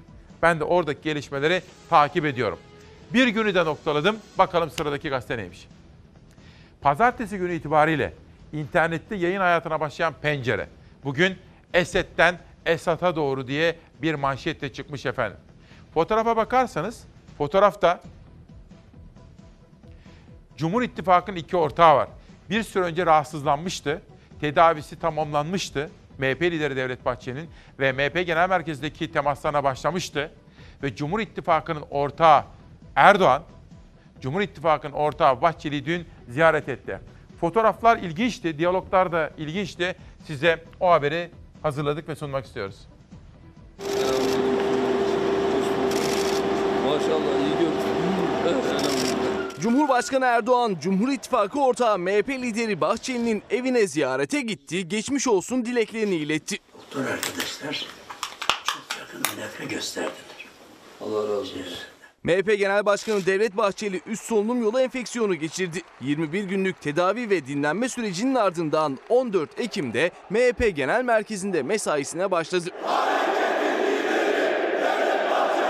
Cumhurbaşkanı Recep Tayyip Erdoğan MHP liderini telefonla aramış, geçmiş olsun demişti ama yüz yüze görüşmemişlerdi. Erdoğan dün Bahçeli'nin evine geçmiş olsun ziyaretine gitti. Cumhurbaşkanı Erdoğan Bahçeli'nin Ankara Çay yolundaki evine sivil plakalı bir araçla geldi. Ardından iki lider 35 dakika süren bir görüşme yaptı. Güncel siyasetten dış politikaya uzanan bir görüşme gerçekleşti. MHP lideri Devlet Bahçeli'nin Erdoğan'a sürprizi vardı. Cumhurbaşkanına Hakan Kaftan'ı hediye etti Bahçeli.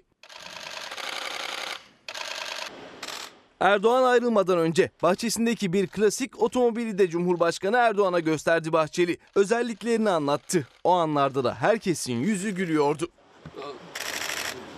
Görüşmenin ardından MHP lideri Cumhurbaşkanı Erdoğan'a aracına kadar eşlik etti. Şimdi bakın bizim Zafer de az evvelki olayı anlatmış. Tabii biz sosyal medya etkinliği de yapıyoruz ya bakın. Sosyal medyada sizlerle konuşarak yapıyoruz. Zafer Söken bakın bizim dış politika editörümüz. Bugünlerde işi çok fazlaydı tabii. Türkiye'nin kırmızı bültenine aradığı terör elebaşına Trump teşekkür ederek en kısa zamanda görüşelim diyor. Peki ABD bunu yapar da öbür emperyal güç olan Ruslar durur mu? Rus Savunma Bakanı Shoigu aynı teröristle video konferans yöntemiyle görüşüyor. Bakın retweet etmek şöyle bir şey. Biraz daha dolun arkadaşlar. Bakın bu benim hesabım ya. Ben buna böyle basıyorum retweet'te. Yani bu önemli gördüğüm haberi yayılması için ben de paylaşıyorum. Sosyal medyadaki 3 milyona yakın takipçimle de paylaşmış oldum. Yani burada yalnızca buradaki sizlerle, milyonlarla değil aynı zamanda sosyal medya. Arzu Hanım, kültürden, sanattan da bahsediyorsunuz diyor. Teşekkür ediyorum. Biraz sonra kültür sanat haberleri de gelecek. Fatih Beydili, Diyanet bütçesiyle ilgili görüşlere ifade etmiş. Efendim kültür sanat demişken Türk-Amerikan Derneği'nde Vehbi Koç Araştırmaları Merkezi'nin de ABD'nin Ankara Büyükelçiliği'nin de katkılarıyla önemli bir sergi açıldı dün akşam. Maalesef katılamadım. Ta Halide Edip adı vardan günümüze. Türk-Amerikan Derneği'nde fotoğraf sergisi ve orada da tarihsel boyutuyla fotoğraflar var. Kültür sanat demişken aklıma geldi ama bir Ankara'ya gittiğimde orayı mutlaka ziyaret etmek istiyorum. İşte Sol Haber bunu verdik geçelim. Metin Gürcan ve kiminin Kurtuluş Savaşı, kiminin Kıbrıs Barış Harekatı ile özdeşleştirdiği harekat sona erdi. Türkiye askeri gücünü kullanarak kısmi bir başarı elde etti. Ama umarım bu harekatın uzun dönem komplikasyonları yani olumsuz etkileri kısa dönem faydalarının önüne geçmez. Yani kendince soğukkanlı hem nalına hem mığına bir yorum yapmak istemiş Metin Gürcan efendim. Ben de o nedenle bugün diyorum ki tedbirli olalım. Gayet tabii ki kazanımlarımız var. Bu bizim kazanımlarımız olduğu gerçeğini inkar edemez. Ama risklerimiz de var. Ve arada geçen 8 yılda ödediğimiz bedeller, hatalı politikalarımız neticesinde en son noktada haklı olabiliriz. Mehmet Barlas Sahıncalı için yazdığı gibi diplomasiyle Türkiye kazanmış olabilir. Ama Doğan Tılıç'ın da bir günde yazdığı gibi e peki bu noktaya gelecek idiysek yıllar yılı biz bu bedelleri niye ödedik? İşte her iki tarafı da sizlere sunmaya gayret ediyorum. Geçelim Sputnik. Hindistan bakın Avrupa Birliği ülkeleri bize yaptırım uyguluyorlar. Amerika tehditte bulundu vazgeçti. Hindistan o da bir emperyal güç mü acaba? Öyle mi olmaya çalışıyor? Nüfusu çok. Pakistan'la bizim kardeş komşumuz Pakistan'la kardeş ülkemiz onunla bir mücadele içerisinde.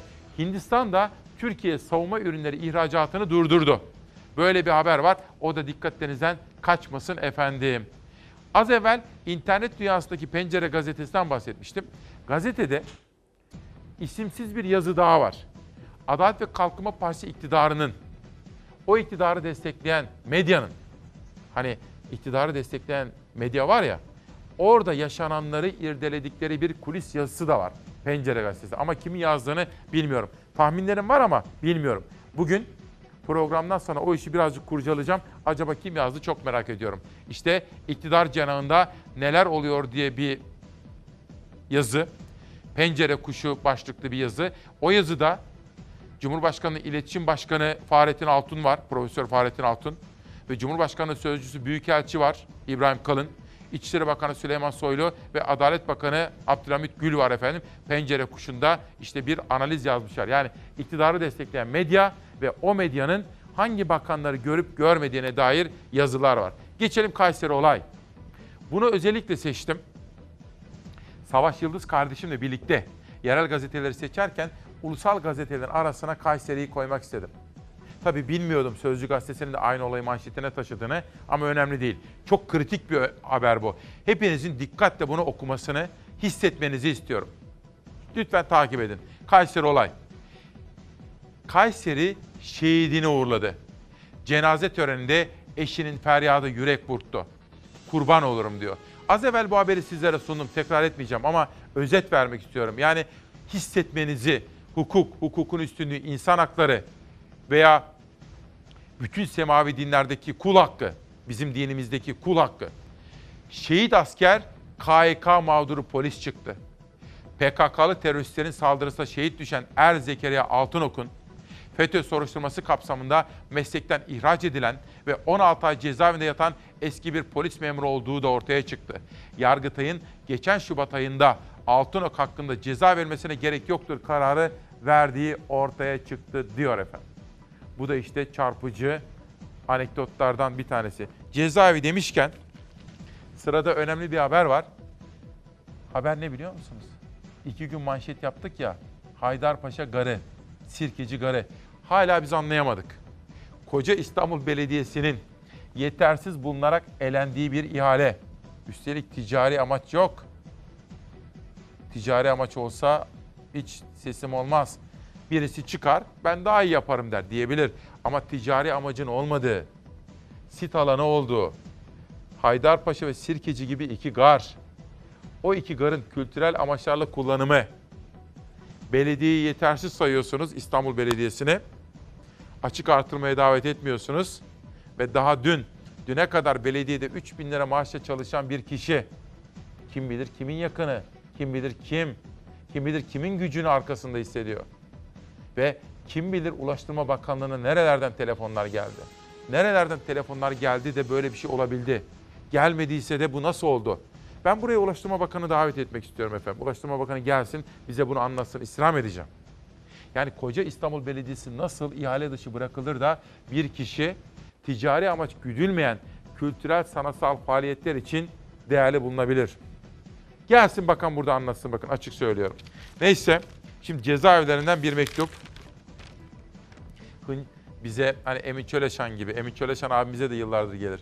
Bizlere bir umut ışığı, devletimiz diyor bizlere bir umut ışığı verdi diyor ve cezaevlerinde yaşadıklarını anlatıyor bize. Kim bunlar? Bakın. Beycuma Cezaevi A10 Koğuşu. Uğur Cem Aygün, Serkan Akkurt, Soner Akkurt, Tayfun Kıyak, Ufuk Kıyak, Birol Türkoğlu, Enes Öztürk, Hakan Ayhan, Serbay Şalvarcıoğlu, Tarkan Yazgan, Satılmış Yiğit. Çoğumuzun kan bağı olmasa da bizler burada bir aile gibiyiz İsmail abi diyor. Allah'a emanet olun diyor Batuhan Gülcan. Ben de sevdiklerinize kavuşmanızı diliyorum ve böyle bir çok teşekkür ediyorum kendilerine. Bunu da saklayacağım efendim. Sizler bu gar meselesini anladınız mı efendim? Anlayan varsa hani Ulaştırma Bakanı da davet ettiğim mi? Lütfen gelsin buraya. Anlayan varsa beri gelsin. Ticarethane satmıyorsunuz ki. Ticari faaliyet yok. Garip organize işler yani. Garip. Kültürel faaliyetler için iki tarihi garın kiralanması ihalesinde tartışma devam ediyor. Yeni iddia ve suçlamalarla İstanbul Büyükşehir Belediyesi Haydarpaşa ve Sirkeci garların ihalesinden elenmişti. Belediye şartnameye rağmen ihalenin oldu bittiye getirildiğini savunuyor. Belediye ortak girişiminin teklifinin 3 katı teklif veren şirketin ihaleyi kazanmasından daha doğal ne olabilir? İhaleye tek katılım olması halinde bunu değerlendirecektik. Ancak daha fazla katılım olduğu zaman en yüksek teklifi, talep teklifini veren 3 istekli arasından teklifler açıldıktan sonra pazarlık usulü ihale, ihaleye devam edilecektir. Ulaştırma Bakanı en yüksek teklifi verene ihaleyi verdik dedi ama aslında ihalenin şartnamesinde en yüksek teklifi verene değil en yüksek teklif veren ilk 3 istekli arasında yapılacak pazarlığa göre ihalenin sonucu belli olacaktı. Benim cevabım net. Kimin malını kime veriyorsun? Komisyon başkanı da şartnamedeki bu maddenin altını özellikle çizdi ihale öncesi ve elinin altından ayırmadığı devlet demiryolları taşınmazları kiralama yönetmeliğini de gazetecilere gösterdi. İstanbul Büyükşehir Belediyesi ise işte o yönetmeliğin 38. maddesine gerekçe göstererek itiraz etti. Belgeleri uygun olmadığı için elenmelerine. Madde aslında açık ve net. İhaleye uygun bulunan tarafın teklif zarfı açılabilir ki o gün 4 Ekim'de Haydarpaşa'da yapılan ihalede İstanbul Büyükşehir Belediyesi'nin 4 şirketinin konsorsiyumunun tüm evrakları incelendi ve akabinde de teklif zarfı açıldı. Tek tek inceleme neticesinde ihale evrakları hukuka uygun bulundu. Belediyenin kapalı zarfından aylık 100 bin lira teklif çıktı. Okçular Vakfı eski genel müdürü Hüseyin Avni Önder'in 10 bin lira sermaye ile kurduğu şirketi ise aylık 300 bin lira önerdi. İBB yüksek kira bedeline rağmen pazarlığa katılacağını açıkladı ama Evraklar hukuka uygun ve yeterli bulunursa teklif zarfları açılır. Sonrasında pazarlığa geçilir hükmüne rağmen 15 gün içerisinde pazarlığa çağrılmayı beklerken hukuka aykırı işlemle karşılaştık. Pazarlık masasına hazırdık. Her ne koşulda olursa olsun alacaktık. Sırf ders olsun diye. Kafanızdaki plan ne? Kim olduğunu bilmediğimiz ya da onların bildiği, benim bilmediğim bir şahıs. AK Parti'nin sürekli eğitim merkezinin yürütme kurulunda da yer alan genç iş adamı Hüseyin Avni Önder'in şirketinden de yazılı bir açıklama yapıldı. İhale komisyonunu etkilemek üzere yapılacak her türlü açıklama suçtur. İhale sürecinin selameti adına karalama kampanyaları ve sorumsuz açıklamaları sabır ve sükunet içinde izledik. Süreç tamamlanınca açıklama yapılacaktır. Ekrem İmamoğlu ise bir kez daha Ulaştırma Bakanı'na seslendi. Hukuk gereğini yapacaktır. İnanıyorum, umut ediyorum. Ama Sayın Bakan'a da ben bu şansı vermeyi istiyorum. Yanlıştan vazgeçsin. O da bir erdemdir. Bu konu önemli bir konu. İktidarı hani böyle başını kuma gömmek yerine açık, şeffaf olmayı gelsinler anlasınlar efendim. Neyse muratları. Çünkü bu biraz karışık bir iş. Böyle olmaz bu iş. Bakın vicdanlar sızlar. Bunu kabul edemez vicdanlar. Şeffaflık, transparency derler bakın. Şeffaf olacaksınız. Gelin anlatın burada. Bunu söylüyorum efendim. Ve Çetin Bey, Çetin Ercengiz Kendisine teşekkür ediyorum. O da Hakikat Yolculuğunda bizimle birlikte. Sağ olsun Çetin Bey. Yılların iş adamıdır. Yılların hem organik tarım yapar. Yani çok müthiş. Bravo Çetin Bey'e de Hakikat Yolculuğuna katılmış sağ olsun. Ve bu arada bakın Türkiye Cumhuriyeti Devlet Demiryolları Müzesi binası da Ankara'da Medipol Üniversitesi'ne verilmiş. Bana haber linkleri yollanıyorlar şimdi. Ya olabilir mi bakın. TCDD'nin tarihi binaları da Medipol'e veriliyormuş. Medipol Hastanesi'ne. Bilmiyorum. Araştıralım. Bazı haberler vardı bununla ilgili ama şimdi mesaj geldiği için çok hakim değilim. Çıktıktan sonra araştırıp sizlere bilgisini vereceğim efendim. Ve kültür sanatta diyeceğim. Bir dakika bir dakika kültür sanat demişken Savaş. Bu arada Savaş Yıldız yönetmen koltuğuna geldi. Dün burada Yanındayız Derneği Başkanı Nurger vardı biliyorsunuz. Ve bana dedi ki 100. üyemiz siz olun. Memnuniyetle kabul ettim. Bu ruju verdi. Yanında bir, bir tane de ayna. Şöyle reklam olmasın diye Savaş hani reklam var da onun için böyle tutuyorum. Kırmızı ruj ve bir tane de yanında ayna. Kalpli bir ayna. Şimdi bunu niye bana hediye etti? Dedi ki bugün toplantı var. Yarın sunun dedi. Ben de çıkarttım videoya çektim onu. Daha doğrusu hatta Zera'yı çağırdım. Ben Zera'yı çağırdım buraya. Zera çeker misin dedim rica ettim. O çekti. Onunla ilgili bir video var da. Ama önce kültür sanat. Erken çocukluktan gençliğe sanatla büyümek. İKSV. Ekim 2019. İKSV'nin kültür sanat alanındaki katkıları. Ve burada benim Oslo'da Atatürkçü Düşünce Derneği'nde tanıştığım ve bana kitabını yollayacağını söz vermişti. Psikolog Özge Özdemir Köz. Kendime Kaçış isimli kitabını yazmış ve göndermiş efendim. Kendine de çok teşekkür ediyorum. Kayseri Olay Gazetesi'nde de kadın erkek eşitliği konusunda kadının toplum içindeki güçlendirilmesi bağlamında önemli bir haber dikkatimi çekti. Kadın Girişimciler Derneği'nin iş hayatına dahil olan kadınlara yönelik yaptığı ankette dikkat çeken sonuç. Kadın girişimciler daha fazla eğitim ve danışabilecekleri bir uzman istiyor diyor. Bu da yine önemli olaylardan bir tanesi. Bugün ayrıca benzeri bir çalışma için Böbrek Vakfı'nın bir buluşması var. Ben de kendilerine bugün destek vermek üzere oraya gideceğim efendim. Sürpriz isimler de varmış. Mesela galiba Türkan Sabancı hanımefendi de geliyormuş. Onları da dikkatle takip edeceğim. Sizlere gelişmeleri haber vereceğim. Ha bir dakika Kırmızı Ruj'un hikayesi. Hani Almodovar filmi gibi oldu ha başlık. Almodovar'ın filmlerini çok severim ben de. Kırmızı Ruj ve Kırmızı Ruj'un hikayesi. Birkaç yıl önce e, parkta bir kadına tecavüz eden e, sanıkla hakim konuşuyor ve diyor ki sen tanımadığın bir kadına niye tecavüz ettin? O da diyor ki kırmızı ruj sürülmüş, sürmüştü, tahrik oldum hakim bey. 5 yıl indirim aldım. Ee, Şimdi biz, Siz buna dikkat çekmek biz istiyorsunuz. diyoruz İndirim ki istemiyoruz. kadınlar diledikleri gibi giyinebilirler, kırmızı ruj sürebilirler. Zaten siz de en sevdiğiniz kadına Evet. hediye edin ve destekleyin ve özellikle erkeklerin ve hakimlerin bu tahrik e, indirimi veya her şekliyle taciz ve tecavüzdeki indiriminin ortadan kalkmasını istiyoruz. En ağır şekilde cezalandırılmasını Buna da istiyoruz. dikkat çekmek istiyorsunuz. Bana da bunu hediye Evet. ettiniz. Yarınki Yanındayız Derneği'nin düzenlediği Dediği. etkinlikte de Evet bunu... siz de eş zamanlı duyurmuş olacaksınız. Harika. Çok teşekkür, Çok teşekkür ediyorum. ederim. Sağ Sağ olun. efendim. Evet durumlar böyle. Bu konuya da devam edeceğim. Yerel gazete manşetleriyle Türkiye turuna çıkıyoruz şimdi. Metropol, Çukurova, Adana'dayım. Suudi Arabistan'ın İstanbul Başkonsolosluğu'nda öldürülen gazeteci Cemal Kaşıkçı cinayet sonrası Adana'dan gönderilen narenciye ürünlerini gümrük kapısında analiz nedeniyle 15 gün bekletmeye başladı diyor efendim. Bu yine takip etmemiz gereken önemli olaylardan biri. Bir şey söyleyeceğim. Aklıma geldi narenciye derken. Şimdi bir olay var. Kafam karıştı. Sizlere söz vermiştim. Tunç Soyer'i eleştirmiştim.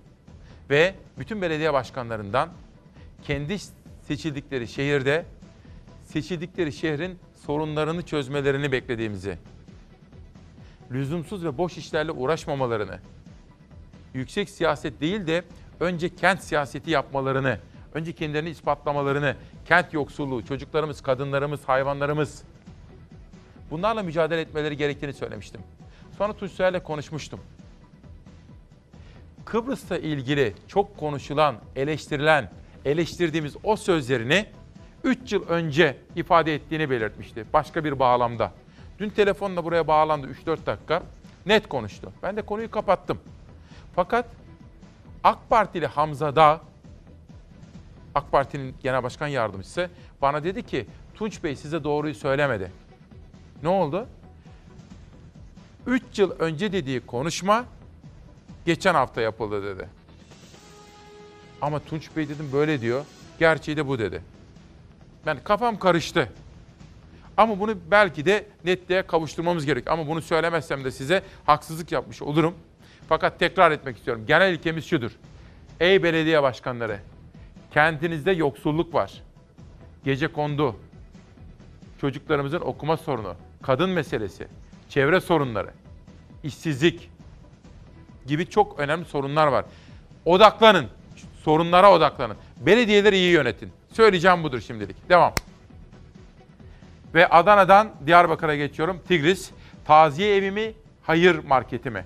17 yıllık taziye evini mahalleliye sormadan hayır marketi yaptılar diyor. Bu Ali Abbas Yılmaz imzalı Diyarbakır'dan gelen çarpıcı bir haber. Bir haber daha var yukarıya doğru gidelim. Diyarbakır Tigris'te HDP'den kayyum protestosu. Meclisi 3 gün boykot etme kararının ardından HDP Diyarbakır'da kitlesel eylem gerçekleştirdi. HDP eş genel başkanı Sezai Temelli parlamentoya çağrı yaparak bu düzene her şeyden önce parlamenter karşı, parlamenterler karşı çıkmalı. Tüm milletvekillerine çağrımızdır. Bu zulme sessiz kalmayın. Kürt halkı arkanızdadır. Yasalardan aldığınız güçle gereğini yapın dedi Diyarbakır'dan böyle bir haber. Ve Patnos Belediye Başkanı ile ilgili bir haber var sırada. Terör örgütü üyesi olmak, terör propagandası yapmak suçlamalarıyla hakkında yakalama kararı çıkarılmıştı. Eski Patmos Belediye Başkanı Yusuf Yılmaz Ankara'da düzenlenen operasyonla gözaltına alındı. Hakkında 3 yıl 9 ay kesinleşmiş hapis cezası bulunan Yılmaz'ın firari olarak Ankara'da saklandığı bilgisi geldi. Polis ulaştığı bilgi üzerine harekete geçti. Yusuf Yılmaz emniyetteki işlemlerin ardından cezaevine gönderildi. Dünyadaki gelişmeleri de sizlere aktarıyorum. Bakın bugün Barış Terkoğlu'nun bu yazısı önemli. Oradan da bir alıntı yapacağım ama şunları da bir tanıtmama imkan verir misiniz efendim? Bugün de yine size güzel bir şiir ve güzel bir müzik parçası seçtim. Fikret Şeneş şarkıları Kimler geldi kimler geçti diyor bakın. Vay be kimler geldi kimler geçti diyor. Ve Ziya Gökalp Mülayim bir Cumhuriyet Senatörünün anıları senatör. Aynı zamanda kültüre sanata katkı yapan güzide bir ailemiz. Çanakkale'de ateş altında yayını hazırlayan Kira Çaratan ve Camilla Çiçil, çeviren İsmail Hakkı Yılmaz. Ve Barış Terkoğlu'nun yazısından özet yapacağım ama önce bir dünya manşetlerini sizlere bir sunmak istiyorum. Financial Times gazetesinde şurada bir haber dikkatimizi çekti bu sabah. Dış medyayı da Zafer Söken'le birlikte yaptık. Hani az evvel söylemiştim. Zeray Kınacı ve haberci ekibimizle çalışıyoruz. Nihal Kemaloğlu'yla uzun uzun danışıyoruz, konuşuyoruz telefonla o Ankara'da. Uzun uzun çalışmalar yapıyoruz. Ve en sonunda burada Nazan kardeşimizle gazeteleri çiziyoruz. Yerel gazeteleri savaşla, dış medya dünyasındaki gelişmeleri de, dışarıdaki gelişmeleri de Zafer Söken'le irdeliyoruz. Bakın burada Amerika'nın yaklaşımı merak ediliyordu. Ankara ile Moskova arasındaki anlaşma Soçi zirvesinden sonra özellikle Suriye'deki güvenli bölge konusunda great job diyor, good job diyor. Kim bunu söylüyor? Trump. Yani Trump gelişmelerden memnun gözüküyor efendim. Bu dış medyanın önemli manşetlerinden biri. Geçelim. Bir de dünya bir büyük trajediyle sarsıldı dün. İngiliz polisi bir tırı çevirdi ve o tırın içinde 39 insan cansız olarak bulundu. İngiliz polisi alarma geçti. Belçika'dan yola çıktığı belirtilen İrlandalı bir sürücünün kullandığı bu araçla ilgili araştırmalar başladı. Tır şoförü, İrlandalı şoför tutuklandı ve İngiltere şimdi bu olayın insan kaçakçılığı aslında 21. yüzyılın trajedisi. Bir tır içinde 39 ceset. İngiltere'de bulunan içi ceset dolu tır tüm dünyada büyük yankı uyandırdı. Trajik olduğu kadar çözülemeyen gizemiyle kafalarda bir sürü soru işareti yarattı. If you have any information which could help our investigation, Please contact my detectives by calling Essex Police on 101. İngiltere'nin Essex bölgesinde gece yapılan bir ihbar üzerine bulundu tır. Güvenlik görevlileri 38 yetişkin bir de çocuk cesediyle karşılaştı. Araştırmanın ilk bulguları tırın çıkış noktası olarak Bulgaristan'ı işaret ediyordu. Bulgaristan'dan çıkıp İngiltere'nin Holyhead limanına giriş yaptığı ifade edildi. Biz tırın Bulgaristan'dan çıkıp Holyhead limanı üzerinden İngiltere'ye geldiğine inanıyoruz. Bulgaristan vakit kaybetmeden tırı araştırmaya başladı. Tırla ilgili bir takım bilgiler elde edilince hemen kamuoyuyla paylaşıldı. Açıklama Bulgaristan Başkanı Boyko Borisov'dan geldi. Borisov, tırın Bulgaristan'dan çıkarak İngiltere'ye geldiğini reddetti. Tırın ülkelerinden iki yıl önce çıktığını ve bir daha ülkeye giriş yapmadığını ifade etti. Araştırmayı derinleştiren İngiltere polisi tırın Belçika'nın Zeebrugge limanından İngiltere'ye giriş yaptığını ifade etti. Polis soruşturmanın zaman alacağını söylüyor. Resmi bir açıklama olmasa da yaşanan trajik olay insan kaçakçılığını işaret ediyor. Bulgaristan Başbakanı yaşanan olayın insan kaçakçılığı olduğunu vurguladı. İzler İngiltere ve İrlanda'yı gösteriyor. İngiltere buna sebep olan insan kaçakçılarını tutuklamalıdır dedi. Kuzey İrlandalı olduğu söylenen tırın 25 yaşındaki şoförü ise cinayet şüphesiyle tutuklandı. Şimdi biraz evvelki İzmir meselesiyle ilgili iki farklı mesaj var efendim. Önemli. Sizlerle paylaşmak isterim. Betül diyor ki Betül Şengör, sevgili İsmail, ne kadar yansız olduğunu bütün Türkiye görüyor. Aslında bu haber ve yorumu verirken de sana haksızlık yapanlar da bunu bir kere daha anlamış oldular diyor Betül Şengör. Ama memnun olmayanlar, daha doğrusu beni uyaranlar da var. Teşekkür ederim. Nazan Gezer, İsmail Bey günaydın. Tunç Soyer'le ilgili biraz önce yaptığınız AK Partili, AKP'li bir, o nasıl yazdı şöyle okumalıyım. AKP'li bir yetkinin yorumunu böyle ortada bırakmamalısınız. Tunç Soyer yalancı durumuna düştü sizin nezdinizde, Fox TV izleyenlerin nezdinde.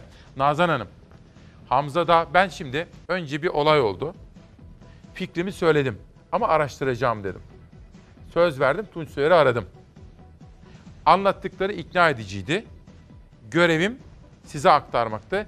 Yayına davet ettim. Ertesi sabah 3-4 dakika konuştu. Ben dedi o sözleri 3 yıl önce yaptım dedi. İş bitti. Kapattım. Fakat sonra Adalet ve Kalkınma Partisi'nin yine bölgeden, İzmir'den önemli bir ismi, Genel Başkan Yardımcısı bana dedi ki sizi yanılttı dedi. Sizinle birlikte izleyenlerinizi yanılttı dedi. Nasıl dedim? O görüşme yeni yapıldı dedi. Ama dedim Tunç Soyer 3 yıl önce olduğunu söylüyor. Ve ben sonra araştırmaya koyuldum. Bir ses kaydı yayınlandı. Yeni. Haberi yayınlayanlar da röportajın yeni yapıldığını söylüyorlar. Şimdi ben burada bilirkişi değilim. Hepsini ortaya koyacağım. Kararı Yüce Türk milleti verecek. Ha Tunç Soyer eğer bir açıklama istiyorsa tanıyorum kendisini. Telefonum var. Burası biliyorsunuz demokrasi meydanı. Buraya bağlanabilir. Dolayısıyla biz her zaman doğru bildiğimizi hakikati aramaya devam edeceğiz. Hiç kimse bizim babamızın oğlu değil. Yani babamızın oğlu olsa bile hakikati burada söyleyeceğiz. Tekrar ediyorum. Tunç Soyer eğer varsa yine bir söyleyeceğim. Hemen bana bağlanabilir. Direkt şahsi telefonumdan da arayabilir. Bir dakika şimdi Soma'ya gideceğim. Soma'ya. Savaş bir çalar saati verir misin? Efendim biz her zaman haktan, hukuktan, adaletten yana olacağız. Ve her zaman alın teriyle çalışan, gece boyu vardiyada ter döken, emekçinin yanında olacağız. Madencinin, işçinin. Madenciyi kimseler görmüyor biliyor musunuz? Onun sesini kimseler duymuyor, duymak istemiyor. E tabi medya kör, sağır, dilsiz olunca Ankara bunu duyamaz, göremez, görmek istemez. Biz bugün Soma'yı manşet yaptık efendim. Emeği, alın terini, madeni, madenciyi unutmayalım. Eğer bizim taleplerimize uygun bir çözüm üretilemezse asla ve asla vazgeçmeyeceğiz. Ankara'daki ikinci görüşmeden de hüsranla döndü maden işçileri. Nöbet alanımızdaki beklemeyi sürdürmeye, baretlerimizi yere vurmaya devam edeceğiz. Tazminat mağduru 3500 Soma işçisi adına 60 kişilik grup Ankara'ya yürüyerek göstereceklerdi tepkilerini. Yollarını güvenlik güçleri kesti. Kırkağaç'taki çamlık alanda sürdürdükleri eylem 19. günü geride bıraktı. Salı günü 5 temsilci ikinci kez Ankara'da Enerji ve Tabi Kaynaklar Bakanlığı'na gitti. Bakan yardımcısı Şeref Kalaycı iddiaya göre toplantı başlamadan basına açıklamalarda bulundu. Eynez Maden Ocağı'ndan çıkarılan işçilere 2020 yılının ilk 6 ayında haklarının taksit taksit ödeneceğini söyledi. 31 Aralık'a kadar Türkiye kömür işletmelerine dilekçeli başvuru yapılmasını istedi. Ancak bu açıklamalar maden işçilerini memnun etmedi. Öneriyi reddettiler. 4,5 saat süren ve TKİ müdürü Ömer Bayrağ'ın da katıldığı toplantıdan çıkan sonuç da beklentileri karşılamadı. Önerilen çözüm bizim talep ettiğimiz çözüm değil. Bizim talebimiz 2019 yılı bitmeden bu tazminatlarımızın ödenmesi. Maden işçileri sadece Eynez değil Soma Holding'e bağlı Atabacası ve Işıklar'la 2013'te kapatılan Uyar Madenciliğe bağlı işletmelerden çıkarılan arkadaşlarının da haklarının ödenmesini istiyor. Tazminatların ise yeni yıla girmeden hesaplarına yatırılmasını bekliyorlar. Talepleri karşılanana dek de eylemlerini sürdürecekler. Önümüzdeki hafta bakanlık ve Türkiye Kömür İşletmeleri ile bir görüşme daha yapılacak. İşte bunlar unutulmaması gereken gerçekler. Bir diğeri de deprem. Deprem gerçeğinde unutturmamak istiyoruz sizlere efendim. Bu arada dün konuştuğum isimlerden bir tanesi de aradım, tebrik ettim. Murat Özyeğin. Çünkü Türk iş dünyasında çok nadir gördüğümüz örneklerden bir tanesiydi. Hüsnü Özyeğin iki yönetim kurulu başkanlığını, holdinginin Murat Özyeğin'e ve kardeşine bırakmıştı. Tebrik ettim. O da dedi ki İsmail Bey çok teşekkür ederim ama inanın burada dedi beni değil babamı tebrik etmek gerekir dedi. Nasıl oldu dedim anlattı. 9 kuşağında sizlere birazcık o birinci kuşaktan ikinci kuşağa hatta üçüncü kuşağa aile anayasası konusunda o görüşleri anlatacağım daha sonraki kuşakta. Çanakkale gündem, Boğaz'daki tehlike. Diyarbakır gazetesinde kalmıştık en son. Çanakkale Boğazı'nda son 15 yılda aynı bölgede meydana gelen büyük kazalar görmezden gelinecek gibi değil. Yakın zamanda kılavuz kaptanların değişimi sırasında yine bir çatışmanın, çarpışmanın yaşandığı Gelibolu'nun önünde önlem alınmaz ise telafisi mümkün olmayan kazalar meydana gelebilir diyor. Ve biz de göz göre göre gelen bir başka tehlikeye dikkat çekmek istiyoruz. Dilimiz damağımız kurusa da annemizin hep söylediği gibi dilimde tüy bitti der ya. Dilimizde tüy bitse de deprem gerçeğini hatırlayacağız ve size hatırlatacağız. Ay çok kötü oluyor ya. Japon uzman Kuzey Anadolu fay hattı için 8-8,5 büyüklüğünde deprem yaratabilir dedi. Depremde ölüm oranlarının yüksekliğiyle ilgili utanıyorum diye konuştu. Senede bir ülkede kaç kere deprem geliyor? 5.5'ten daha büyük. Yüksek inşaat mühendisi, yüksek mimar ve deprem uzmanı Japon Yoshinori Moriwaki, Tekirdağ Namık Kemal Üniversitesi'nde bir konferans verdi. Bir deprem ülkesi olan Japonya ile Türkiye'yi kıyasladı. Japonya'da beklenen en yüksek depremin 9-9,5 büyüklüğüne kadar çıkabileceğini söyledi Moriwaki. Türkiye için beklentisini açıkladı. Kuzey Anadolu fay hattı için beklentisini 8-8,5 büyüklüğüne kadar çıkardı. Burası eee, en fazla 8 magnitude olarak 8 ve 8.5'e kadar. Moriwaki Japonya ile kıyaslayarak bu beklentisini şans olarak nitelendirdi. Deprem ülkeleri sıralamasında Japonya dünyada dördüncü, Türkiye dünyada altıncı sırada. Türkiye dünyada 6. Japonya 4. Deprem potansiyeli açısından Türkiye Japonya'dan daha şanslı. Ancak Japonya Türkiye'den çok daha hazırlıklı. Bu gerçeği depremde ölüm oranları ortaya koyuyor. Maalesef diye söyleyebilirim. E, üçüncü sıra bakınca depremden oru sayısından bakıyorsa aniden Türkiye dünyanın üçüncü olur. Japonya çok daha büyük depremler görmesine ve deprem potansiyeli çok daha yüksek bir ülke olmasına rağmen depremde ölüm oranları Türkiye'den çok daha düşük. Depremde ölüm oranıyla Türkiye dünyanın 3. sırasında diyor deprem uzmanı Moriwaki. Yıllardır Türkiye ile iş yaptığı için kendini buraya ait hissettiğini söyleyen Japon deprem uzmanı ölüm oranlarımızın yüksekliği konusunda utanıyorum diye konuşuyor. Ben artık 29 yıl Türkiye sayabilirim. Ben Türk olarak utanıyorum. Ve inşaat mühendisi olarak, mimar olarak utanıyorum. Birazcık soluklanmak istiyorum. Bir sade kahve Hak ettim galiba değil mi? Ne dersiniz? Hak ettim. Sonra aranıza geri dönmek istiyorum. Ve ekonomi, vergi dilimi, Cumhurbaşkanı, Cumhurbaşkanının maaşı, muhalefet neden tepki gösteriyor? Üretici, esnaf, bütün bu konulardaki haberler ve söz verdiğim gibi Barış Terkoğlu'nun yazısından özet. Nasıl bir gündem değil mi? Yoğun bir gündem. 24 Ekim'de İsmail Küçükkaya ile Demokrasi Meydanı'ndasınız efendim. Bugün tedbirli olalım dedik. Yılmaz Bozan Son Nefeste Aşk isimli romanını yazmış, imzalamış ve bana yollamış.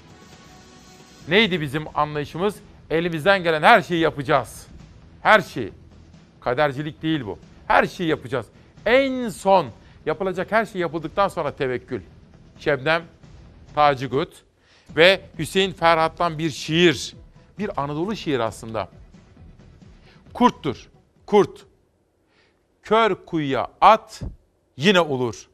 Masmavi ve mağrur. Birden soğur Ağustos. Samyeli. Eskiden susaydı, şimdi asfalt. Yolları kentlerin, şimdi asfalt. Adı Burdur. Adı Sivas, adı Yozgat. Yalnız ve mağdur. Adı Tunceli. Eskiden taşlandı, şimdi mucur. Şimdi mucur yolları kentlerin. Adı Kırklareli. Düşmeye görsün bir damla yağmur. Birden soğur Ağustos. Samyeli. Kurttur. Tel kafeste kapat. Bak kurttur. Tel kafese kapat. Yine olur. İkide bir yer değiştiren gölgem. Yüreğimi mesken tutan o yerli. Kurttur. Kör kuyuya at. Yine olur. Masmavi, masmavi ve mağrur.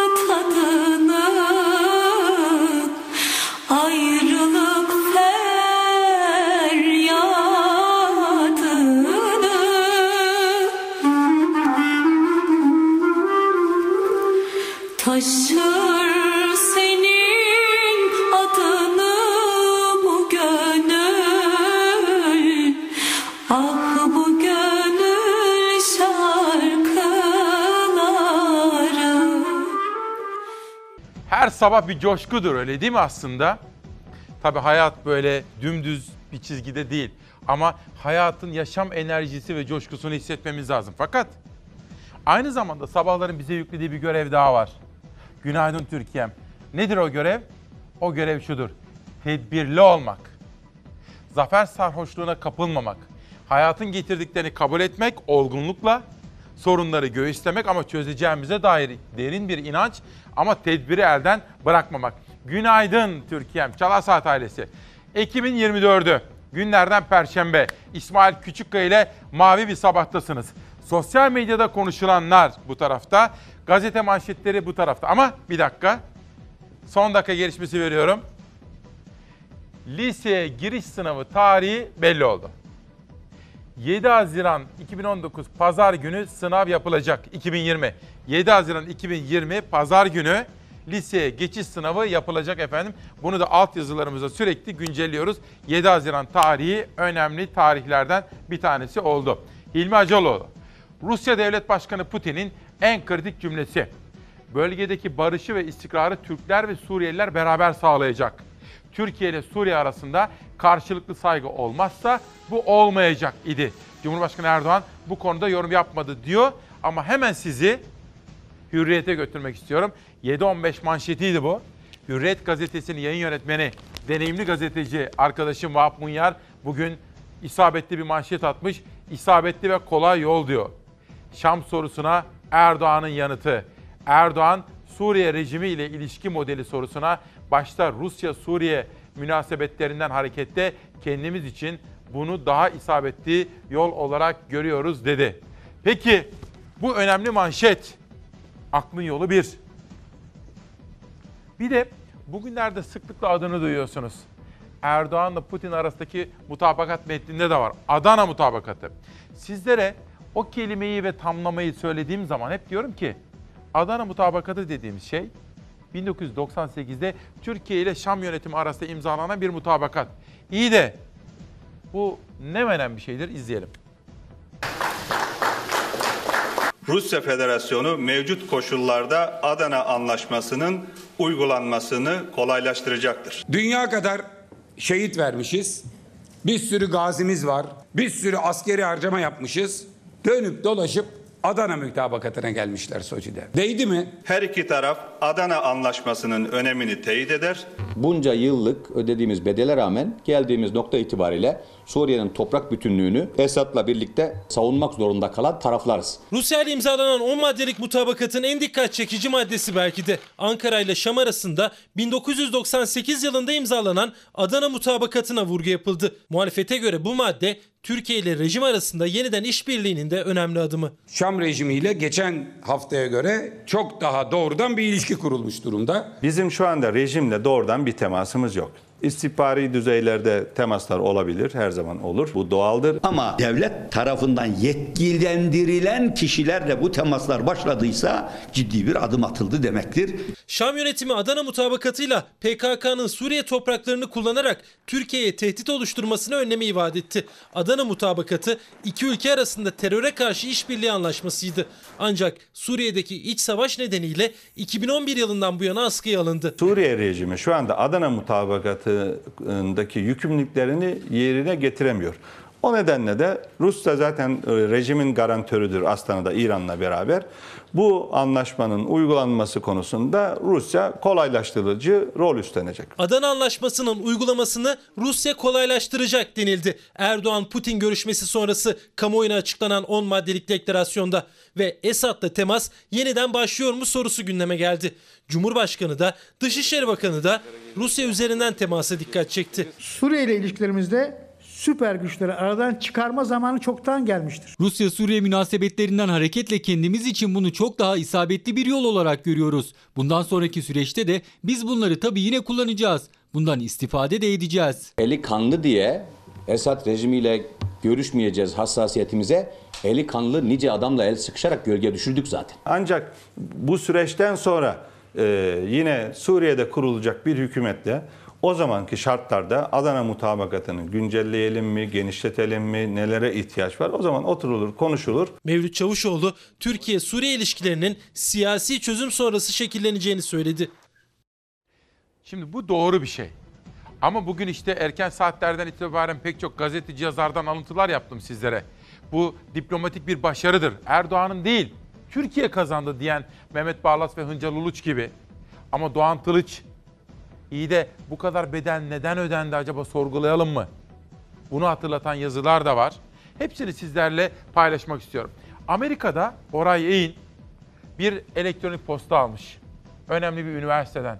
Türkiye'yi karalayan, Türkiye'ye haksız ithamlarda bulunan ve Habertürk'teki yazısında Oray Eğin Amerika Türkiye'yi nasıl kaybetti, neden kaybetti sorusunun yanıtını arıyor. Bunu bir tarafa koyun, unutmayın. Şimdi çünkü Cem Küçük'le ilgili paylaşım gelecek. O da meselenin başka bir boyutuna parmak basıyor. Önce Hilmi Hacaloğlu onu vermiştim. Geçelim. Cem Küçük, Türkiye Gazetesi yazarı. Erdoğan'ın sözlerinden alıntı yapıyor. Ama en sonunda şunu söylüyor. Bakın. 150 saat içinde YPG'li teröristler ve silahları 30 kilometrenin dışarısına çıkarılacak. Örgütün tahkimat ve mevzileri imha edilecektir. 150 saat sonra alanın batısı, doğusunda Türk-Rus devriyeleri başlayacaktır. Amerika bile içinden oh çekmiştir diyor. Gerçekten de hani farklı yazarlar Amerika'nın farklı bölümleriyle ilgili gözlem ve izlenimlerini paylaşıyorlar. Ama unutmamamız gereken bir husus var. Amerika dediğiniz zaman şunu soracaksınız. Hangi Amerika? Trump'ın temsil ettiği mi? Kurulu yapı dediğimiz Amerika mı? Pentagon mu? CIA mi? Hangi yapı? Gerçekten de Amerika bugünlerde işte böyle bir ikilem yaşamakta.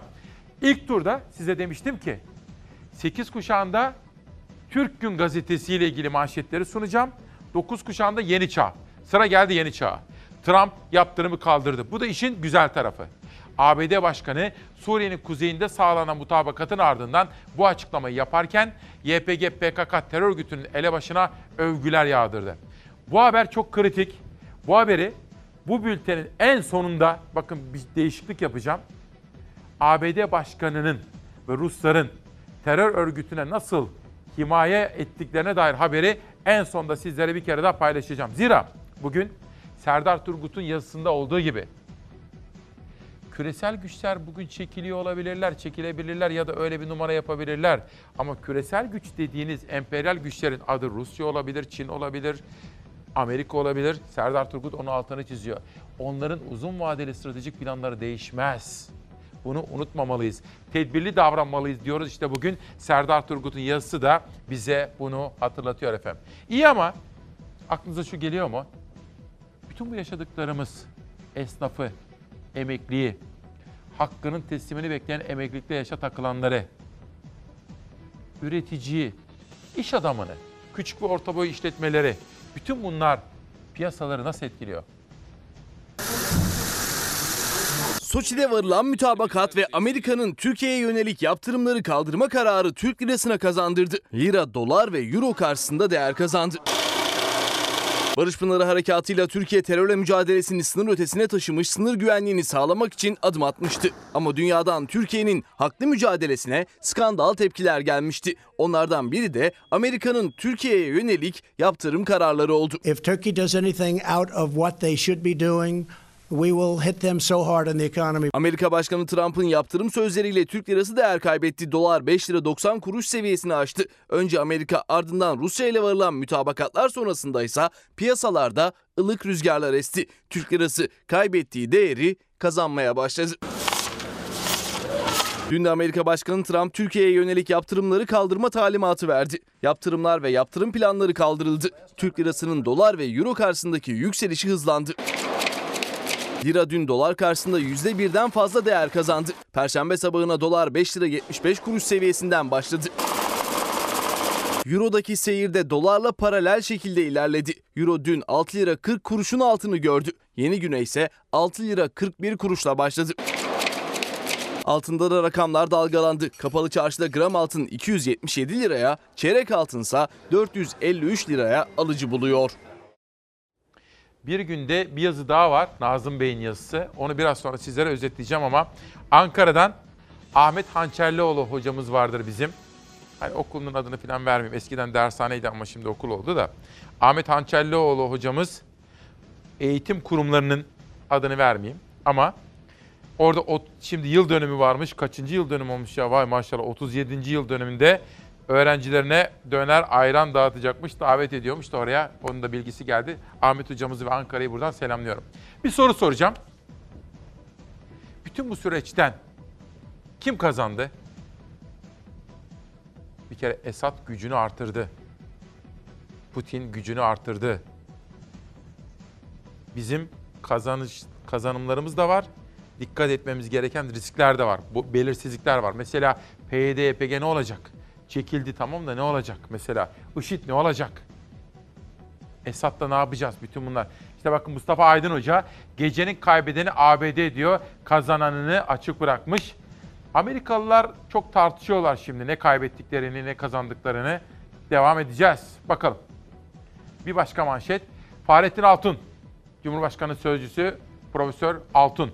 Sayın Cumhurbaşkanımızın güçlü liderliği sayesinde tarihi bir diplomatik başarı elde edilmiştir. Terörle mücadelemiz dost ve müttefik ülkelerin işbirliğiyle sürdürülerek neticelendirilecektir. Bölücü terör örgütünün devletçik projesi tarih olmuştur diyor. Cumhurbaşkanı İletişim Başkanı. Serdar Cebe, sonuç Başkan Yardımcısı Pence ile yapılan anlaşma yok hükmündedir. Türkiye alanda kalan Rusya'yı muhatap aldı. Türkiye Amerika ile yapamadığını Rusya ile yaparım dedi. Aslında bu çok doğru bir yaklaşım ve analiz. Çünkü Rusya ve Esad gücünü artırdı, tahkim etti. Uğur Gürses, görünen o ki inisiyatifi hali hazırda sahadaki mevcudu kabul eden ve Suriye-Rusya ikilisine bırakan bir kervan yolda düzülür. Anlaşamadık ama anlaşmış gibi yapalım metni ilan edilmiş diyor. Meseleye boş, bardağın boş tarafından bakmayı tercih ediyor Uğur Gürses. Bir de Aslı Aydın Taşbaş gelsin. Bu mutabakatla hukuki ve politik anlamda iki ayrı güvenli bölge var. ABD ile pazarlık konusu olan Tel Abyad, Resulayn arası, burası Türkiye'nin kontrolünde 120 kilometre ve onun dışında kalan Fırat'ın doğusundaki bölgeler rejimin kontrolünde ama 10 kilometrelik hatta Türkiye ve Rusya ortak devre yapacak Kamışlı istisna yapıldı biliyorsunuz. Devam. Ve Aaron Stein'ın bir manşeti bütün bu gelişmelerden sonra Ankara Esad rejimini tanımak durumunda kaldı. Böyle bir manşet ve başlık geliyor efendim. Hikmet Durgun.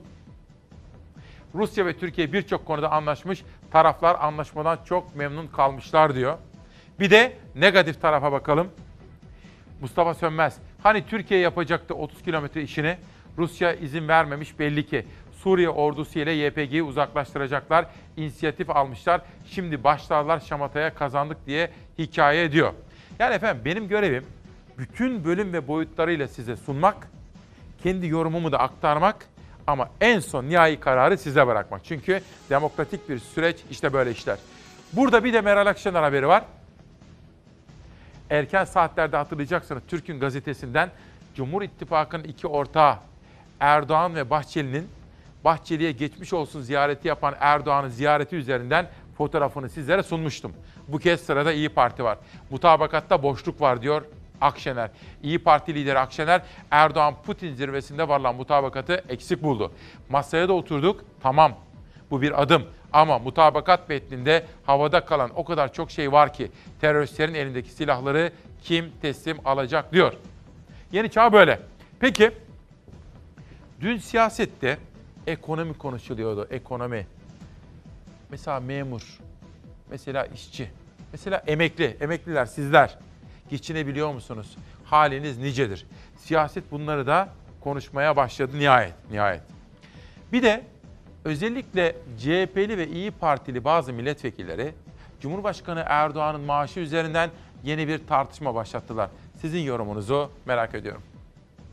İşçiye Allah'ın hakkı üçtür sana yeter. Memura Rabia yaptı dört yeter. Ama tek adama üçler dörtler yetmedi. Kendi maaşına yüzde dokuz zammı patlattı. Erzurumluların güzel bir tabiri var. Şişler millete, kebaplar hükümete. Cumhurbaşkanlığının hazırladığı 2020 bütçesinde Cumhurbaşkanının 2020 zam oranı da belli oldu. Erdoğan'ın brüt maaşı 74.500 liradan %9 zamla 81.250 liraya yükselecek. Demokrasilerde kendi maaşına karar veren tek adam bizim başımızdaki tek adamdır. 6750 lira kendi maaşına zam yapıyor. Sadece yaptığı zam 3 askeri ücretten fazla. Millete acı reçeteler, bu zor günleri atlatacağımıza dair cümleler, millete eziyet, kendilerine nimet.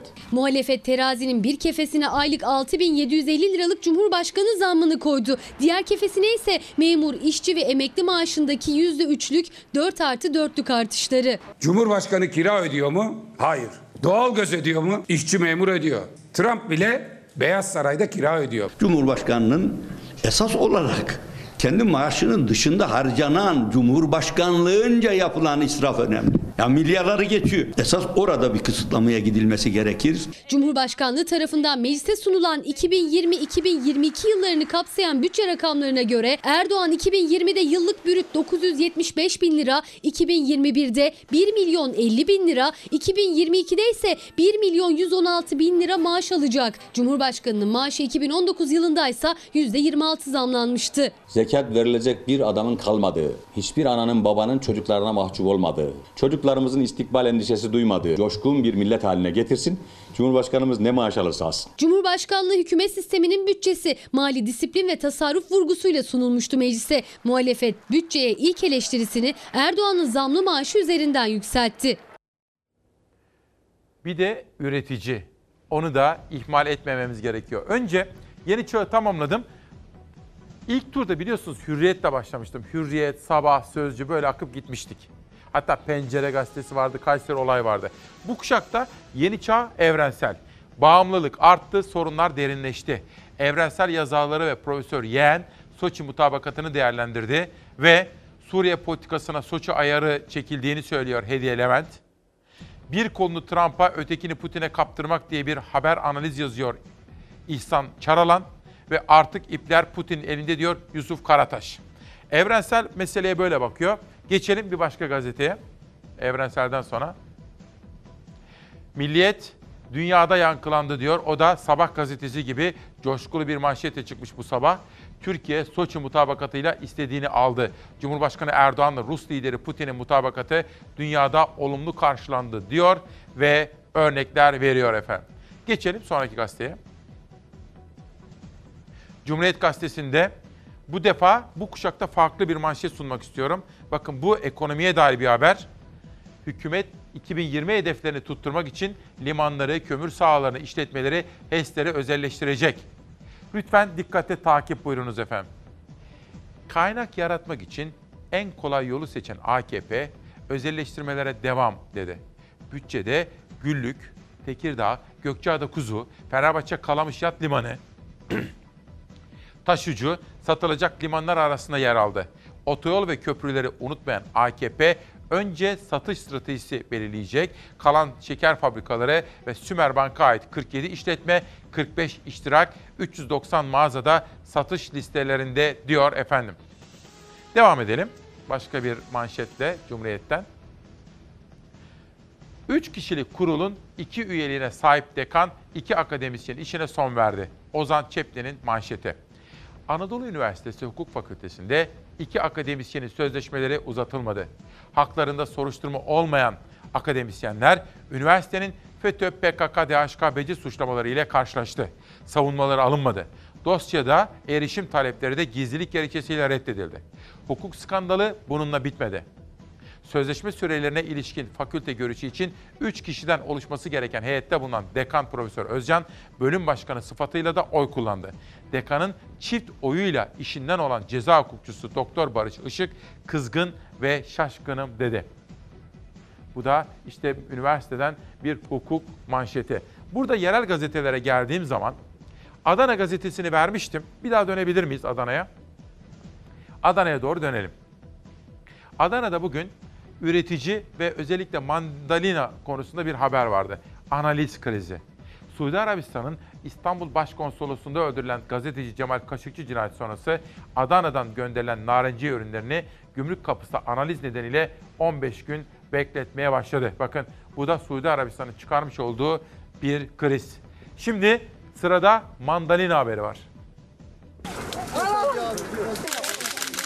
Çiftçiler memnun değil. Çiftçi topluyor, kasalıyor, satıyor ama memnun değil. Mandalina üreticisi mandalinanın kilo fiyatının 7-8 yıl öncekiyle aynı olduğunu söylüyor. Ancak maliyetler o zamandan bu zamana arttı. Yaklaşık bir 7-8 senedir aynı fiyatlarda yani üretici memnun değil. Zirai ilaçlarda bu geçen sene mesela 5 litrelik aldığımız ilaçlar bu sene 80 liraya aldığımız ilaçlar 500 milyon olmuş. 5 litre ilaç. Narenciye üretiminde başı çeken illerden biri Adana'da mandalina hasadı yaklaşık iki hafta önce başladı.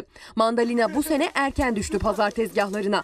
Tüketici de üretici de memnun bu durumdan. Memnun olmadıkları ise fiyatlar. 7-8 sene önce 750 bin liradan 1 milyona kadar satılıyordu. Şimdi piyasası gene aynı. 750 bin liradan 1 milyon civarı yani. Adanalı mandalina üreticisi Fazlı Ayaz, yıllardır ürettiği mandalinadan kazancının her yıl biraz daha düştüğünü anlatıyor.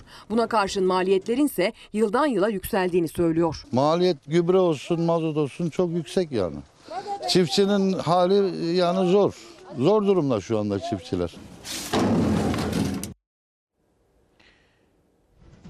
Evet mesajlar da geliyor. Onları da görüyorum efendim. Çok, çok teşekkür ediyorum.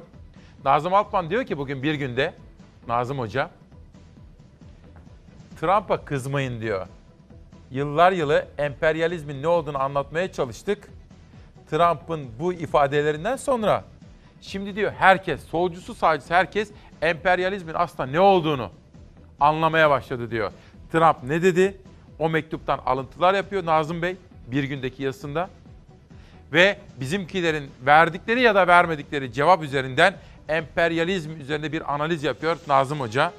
Çok çarpıcı bir yazı. Ve burada Atatürk'le ilgili bir bölümü sizlere anlatacağım. Atatürk'ün hayat felsefesi, siyasi görüşü.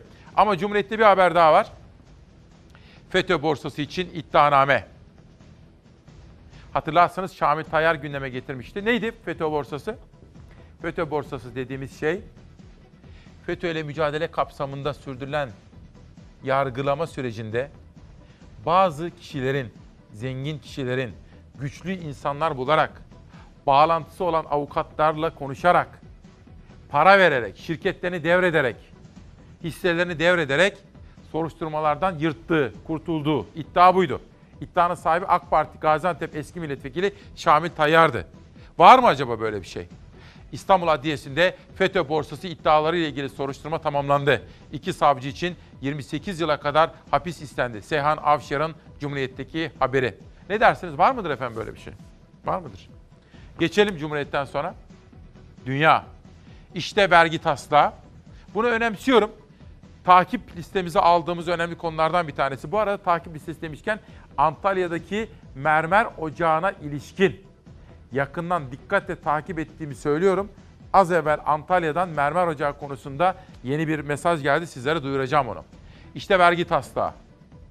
Kurumlar vergisi düşüyor, gelir vergisi artıyor. İki yeni vergi geliyor, bir yeni müessese kuruluyor.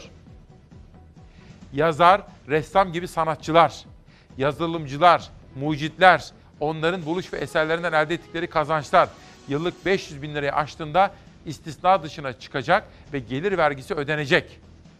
Bu ve benzeri pek çok husus var efendim yeni sistemde. Bu arada dün Dünya Gazetesi'nde Murat Özyeğin'in yönetim kurulu başkanına getirildiğine dair haber vardı. Yayından sonra kendisiyle konuştum. Dedi ki beni değil babamı tebrik etmek lazım. Çünkü efendim bizde iş dünyasında kolay değil. İş dünyasının önemli isimleri kendileri bir girişimde bulunurlar, büyütürler. Fakat sonra onu bir türlü devredemezler.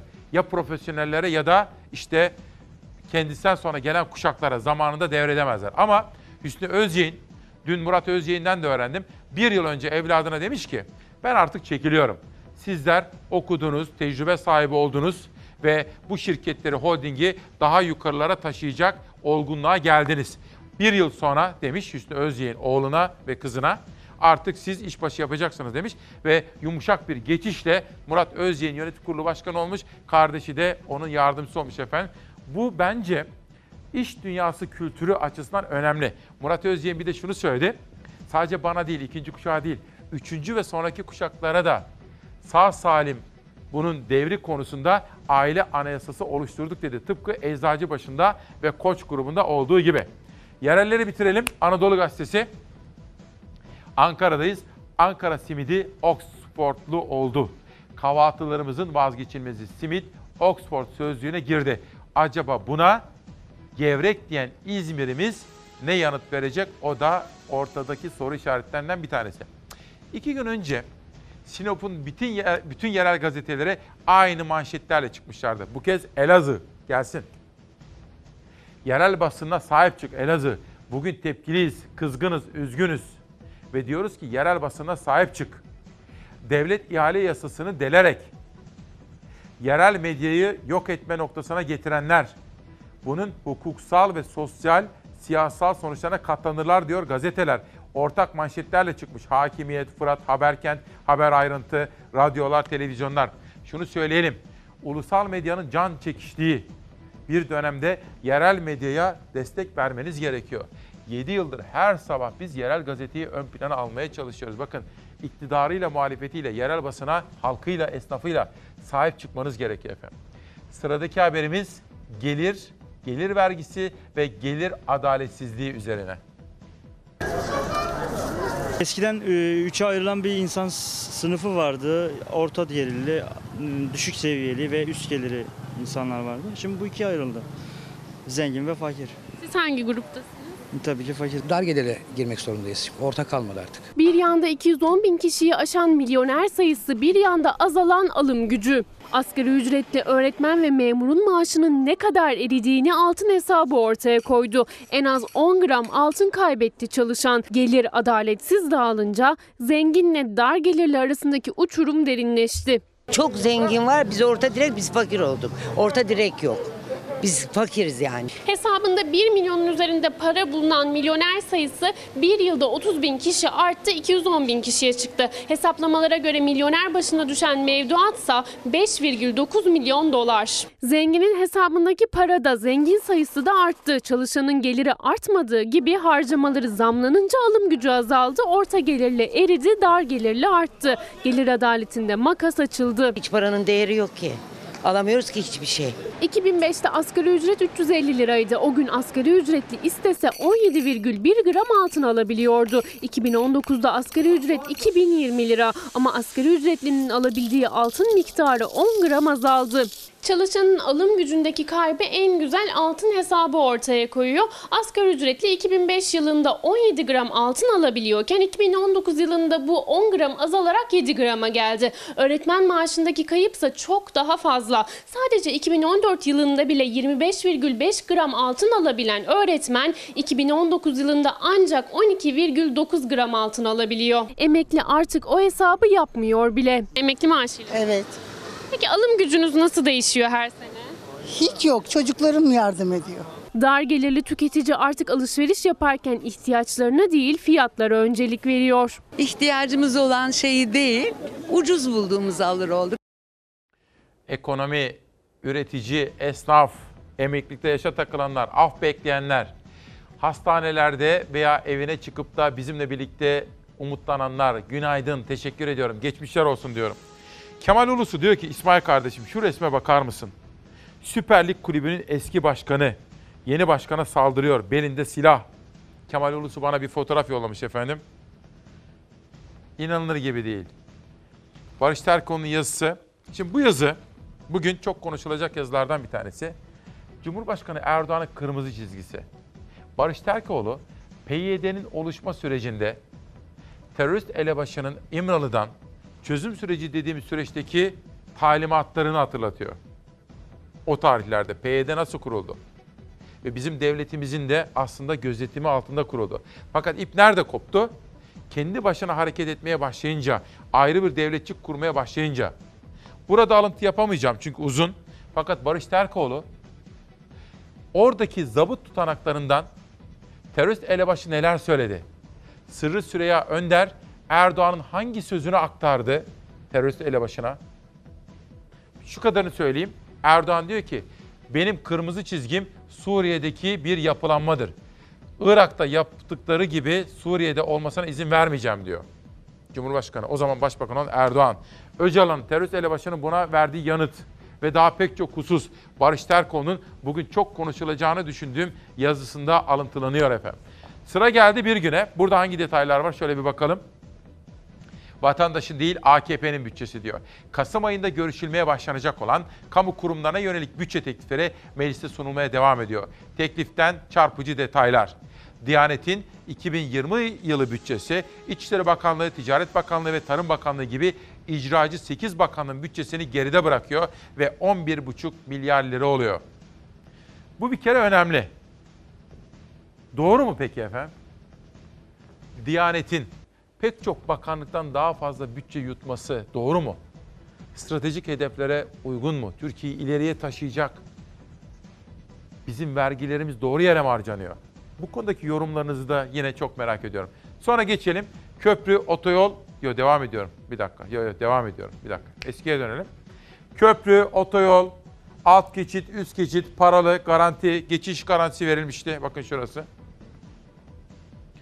Şimdi ben tabii hızlıyım ama bazen bizim reji benden de hızlı görüyorsunuz değil mi? Ama bazen yavaşlamasını da bilmemiz lazım. Hayat felsefesi böyle. Köprü, otoyol ve tüneller için müteahhitlere garanti ödemesi olarak 3 yılda 31.2 milyar lira ödenmesi öngörülüyor. Karayolları bütçesinden müteahhitlere hane halkına transferler kaleminden ödeme yapılıyor. Şunu söyleyeceğim. Sabah 8 kuşağında söyledim. Madem biz bu müteahhitlere paraları verecektik, köprüleri, otoyolları yapsınlar diye garanti verecektik. Madem hazine garantisi vereceğiz, o zaman devlet yapsaydı. Yani iş adamı riske girmiyor ki. Sıfır risk. Sıfır. E devlet yapsın o zaman. Niye biz iş adamına verelim paralarımızı? Bu benim aklımdaki meseledir ve sizlerle paylaşmak istiyorum. Elazığ Fırat gazetesi gibi, Sinop'un bütün yerel gazeteleri gibi, Kilis, Serhat, yerel basına sahip çık. Kilis diyor bakın. Sinop, Elazığ, Kilis, geçelim. Haber. Bu defa Isparta'ya geçiyorum. Yerel basına sahip çık Isparta. Bugün tepkiliyiz, kızgınız, üzgünüz ve diyoruz ki yerel basına sahip çık Isparta. Yani bu dalga dalga yayılacak efendim. Bir de dünya genelinde, Lübnan'da, Hong Kong'da, Şili'de, dünyanın çok farklı noktalarında meydana gelen olaylar. Sıradaki haber buna dair. Zamlar, yaptırımlar, insan hakkı ihlalleri. Gerekçeler de ülkelerde farklı. Dünyanın birçok noktasında protestolar var. Yeryüzünde tansiyon yüksek. Ateşten barikat örüyorlar, polisle çatışıyorlar. Adeta sokakta taş taş üstünde bırakmıyorlar. Şili'de şiddetin dozu artıyor. Zam karşıtı protestoların önü alınamıyor. Ülkede acil durum ilan edildi. Şili Devlet Başkanı Sebastian Pinera açıklamalarda bulundu. Sorunların büyüklüğünü idrak edemedik, özür dilerim dedi. Gösteriler tüm hızıyla devam ederken bu açıklamanın ileriki günlerde sokağa nasıl yansıyacağı merak konusu. Ekonomik krizin vurduğu Lübnan'da hükümet yeni vergileri gündeme aldı. Başbakan Hariri yönetimi sosyal medya uygulamalarını hedefe koydu. Bu uygulamaları kullananlara günlük 20 sent yani yaklaşık 1 lira 15 kuruş vergi getirmeyi kararlaştırdı. İşte o günden beri sokakta tansiyon düşmüyor. Lübnan hükümeti protestoların önünü alamadı, vergi planı rafa kaldırıldı. Kaldırıldı kaldırılmasına ama halkın öfkesi dinmedi, olaylar yayıldı. Lübnanlıların protestoları şiddetini arttırarak sürüyor. İspanya'da Katalonya özerk bölgesinde ise ayrılıkçıların eylemleri devam etti. İspanya Yüksek Mahkemesi'nin ayrılıkçı 9 siyasi lidere hapis kararı vermesinin ardından bölgede protestolar sürüyor. Eylemciler bu kez temiz protesto adını verdikleri bir gösteri gerçekleştirdi. Süs havuzuna deterjan döken eylemciler bu pisliği temizleme zamanıdır dedi. Tutuklular serbest bırakılmadığı sürece eylemlerin devam edeceğini vurguladılar.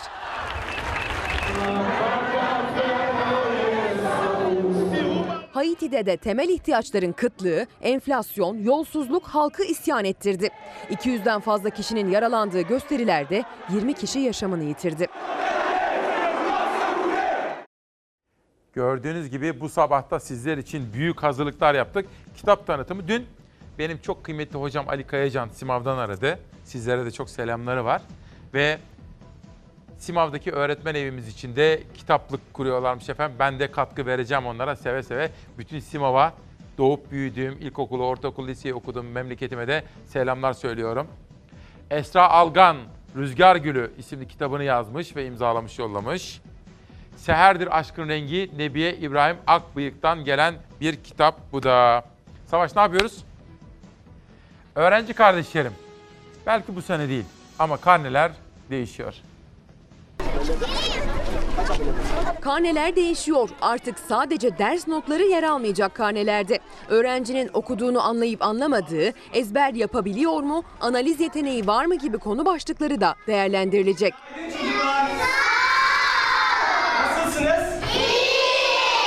Son dönemde yapılan öğrenci başarısı araştırmaları çok tartışıldı, çok üzdü. Son olarak yaz aylarında açıklanan ABİDE araştırmasına göre Türkiye'de öğrencilerin %66'sı okuduğunu anlamıyor. Milli Eğitim Bakanlığı'nın araştırmasına göre öğrenciler en temel becerilerde yetersiz. Dört işlem yapamıyor ve okuduklarını anlayamıyorlar. Yapılması planlanan değişiklikle dört işlem becerisi, okuduğunu anlama, anladığını anlatabilme, ezber, derste varlık gösterip gösterememe gibi kıstaslar karnelerde görünür olacak. Öğrencinin notlarının yanı sıra bu ve benzer becerileri de değerlendirilecek. Karneler birden fazla sayfadan oluşacak.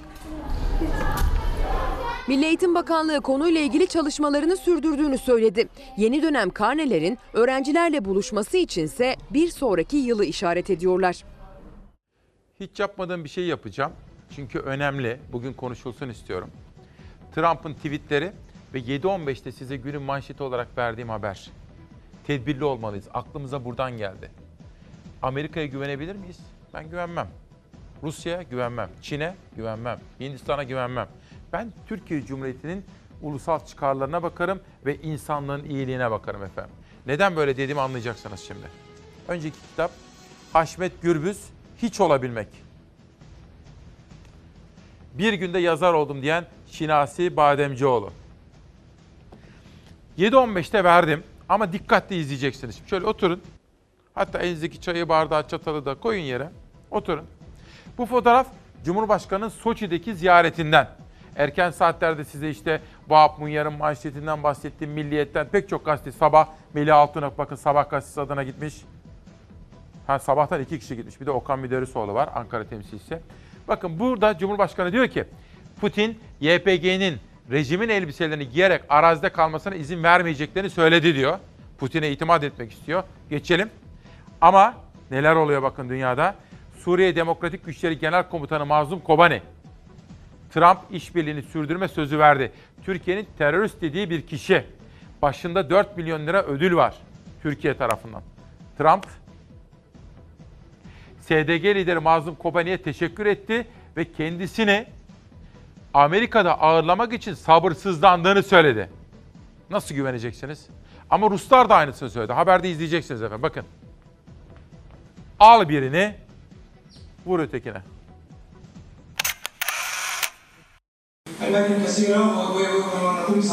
Amerika Başkanı Trump, Türkiye'nin kırmızı bültenle aradığı terör örgütü YPG PKK'nın elebaşına teşekkür etti. Rus Savunma Bakanı Şoygu da aynı terörist başıyla video konferans yoluyla görüştü.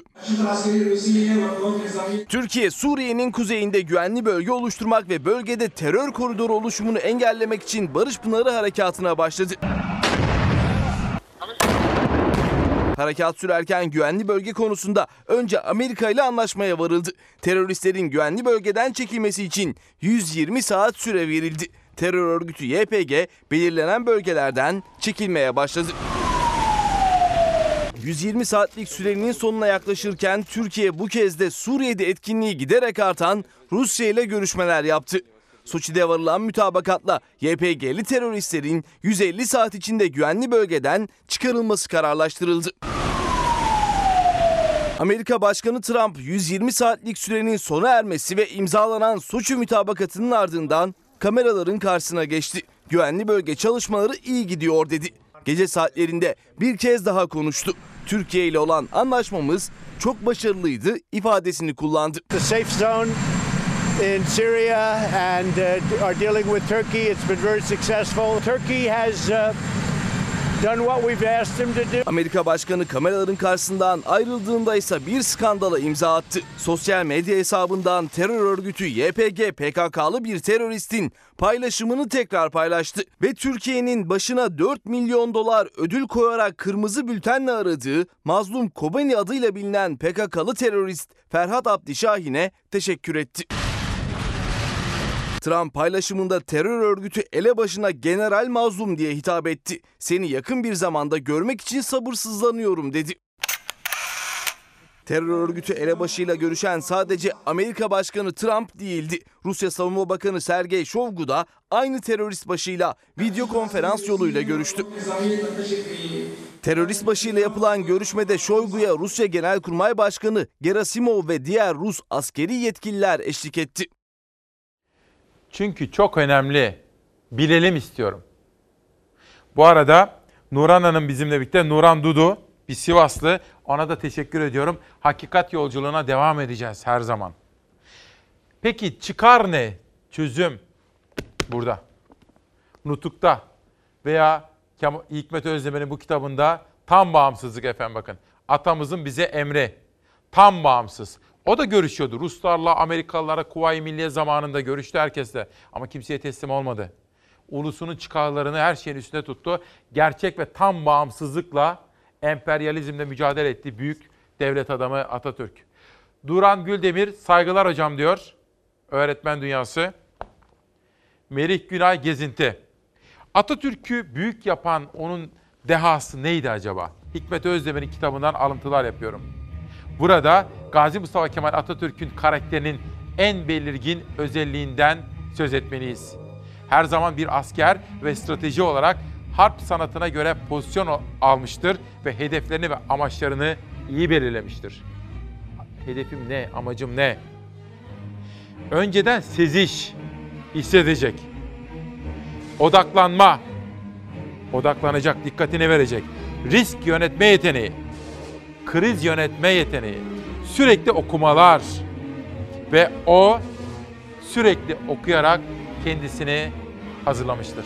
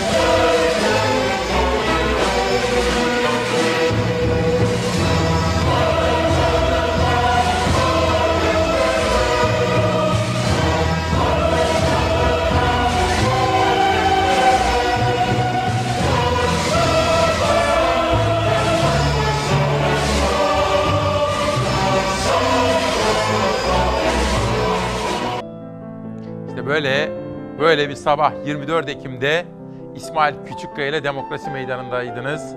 Hakikat yolculuğuna yine beraber çıktık. Tedbirli olalım dedik bu sabah.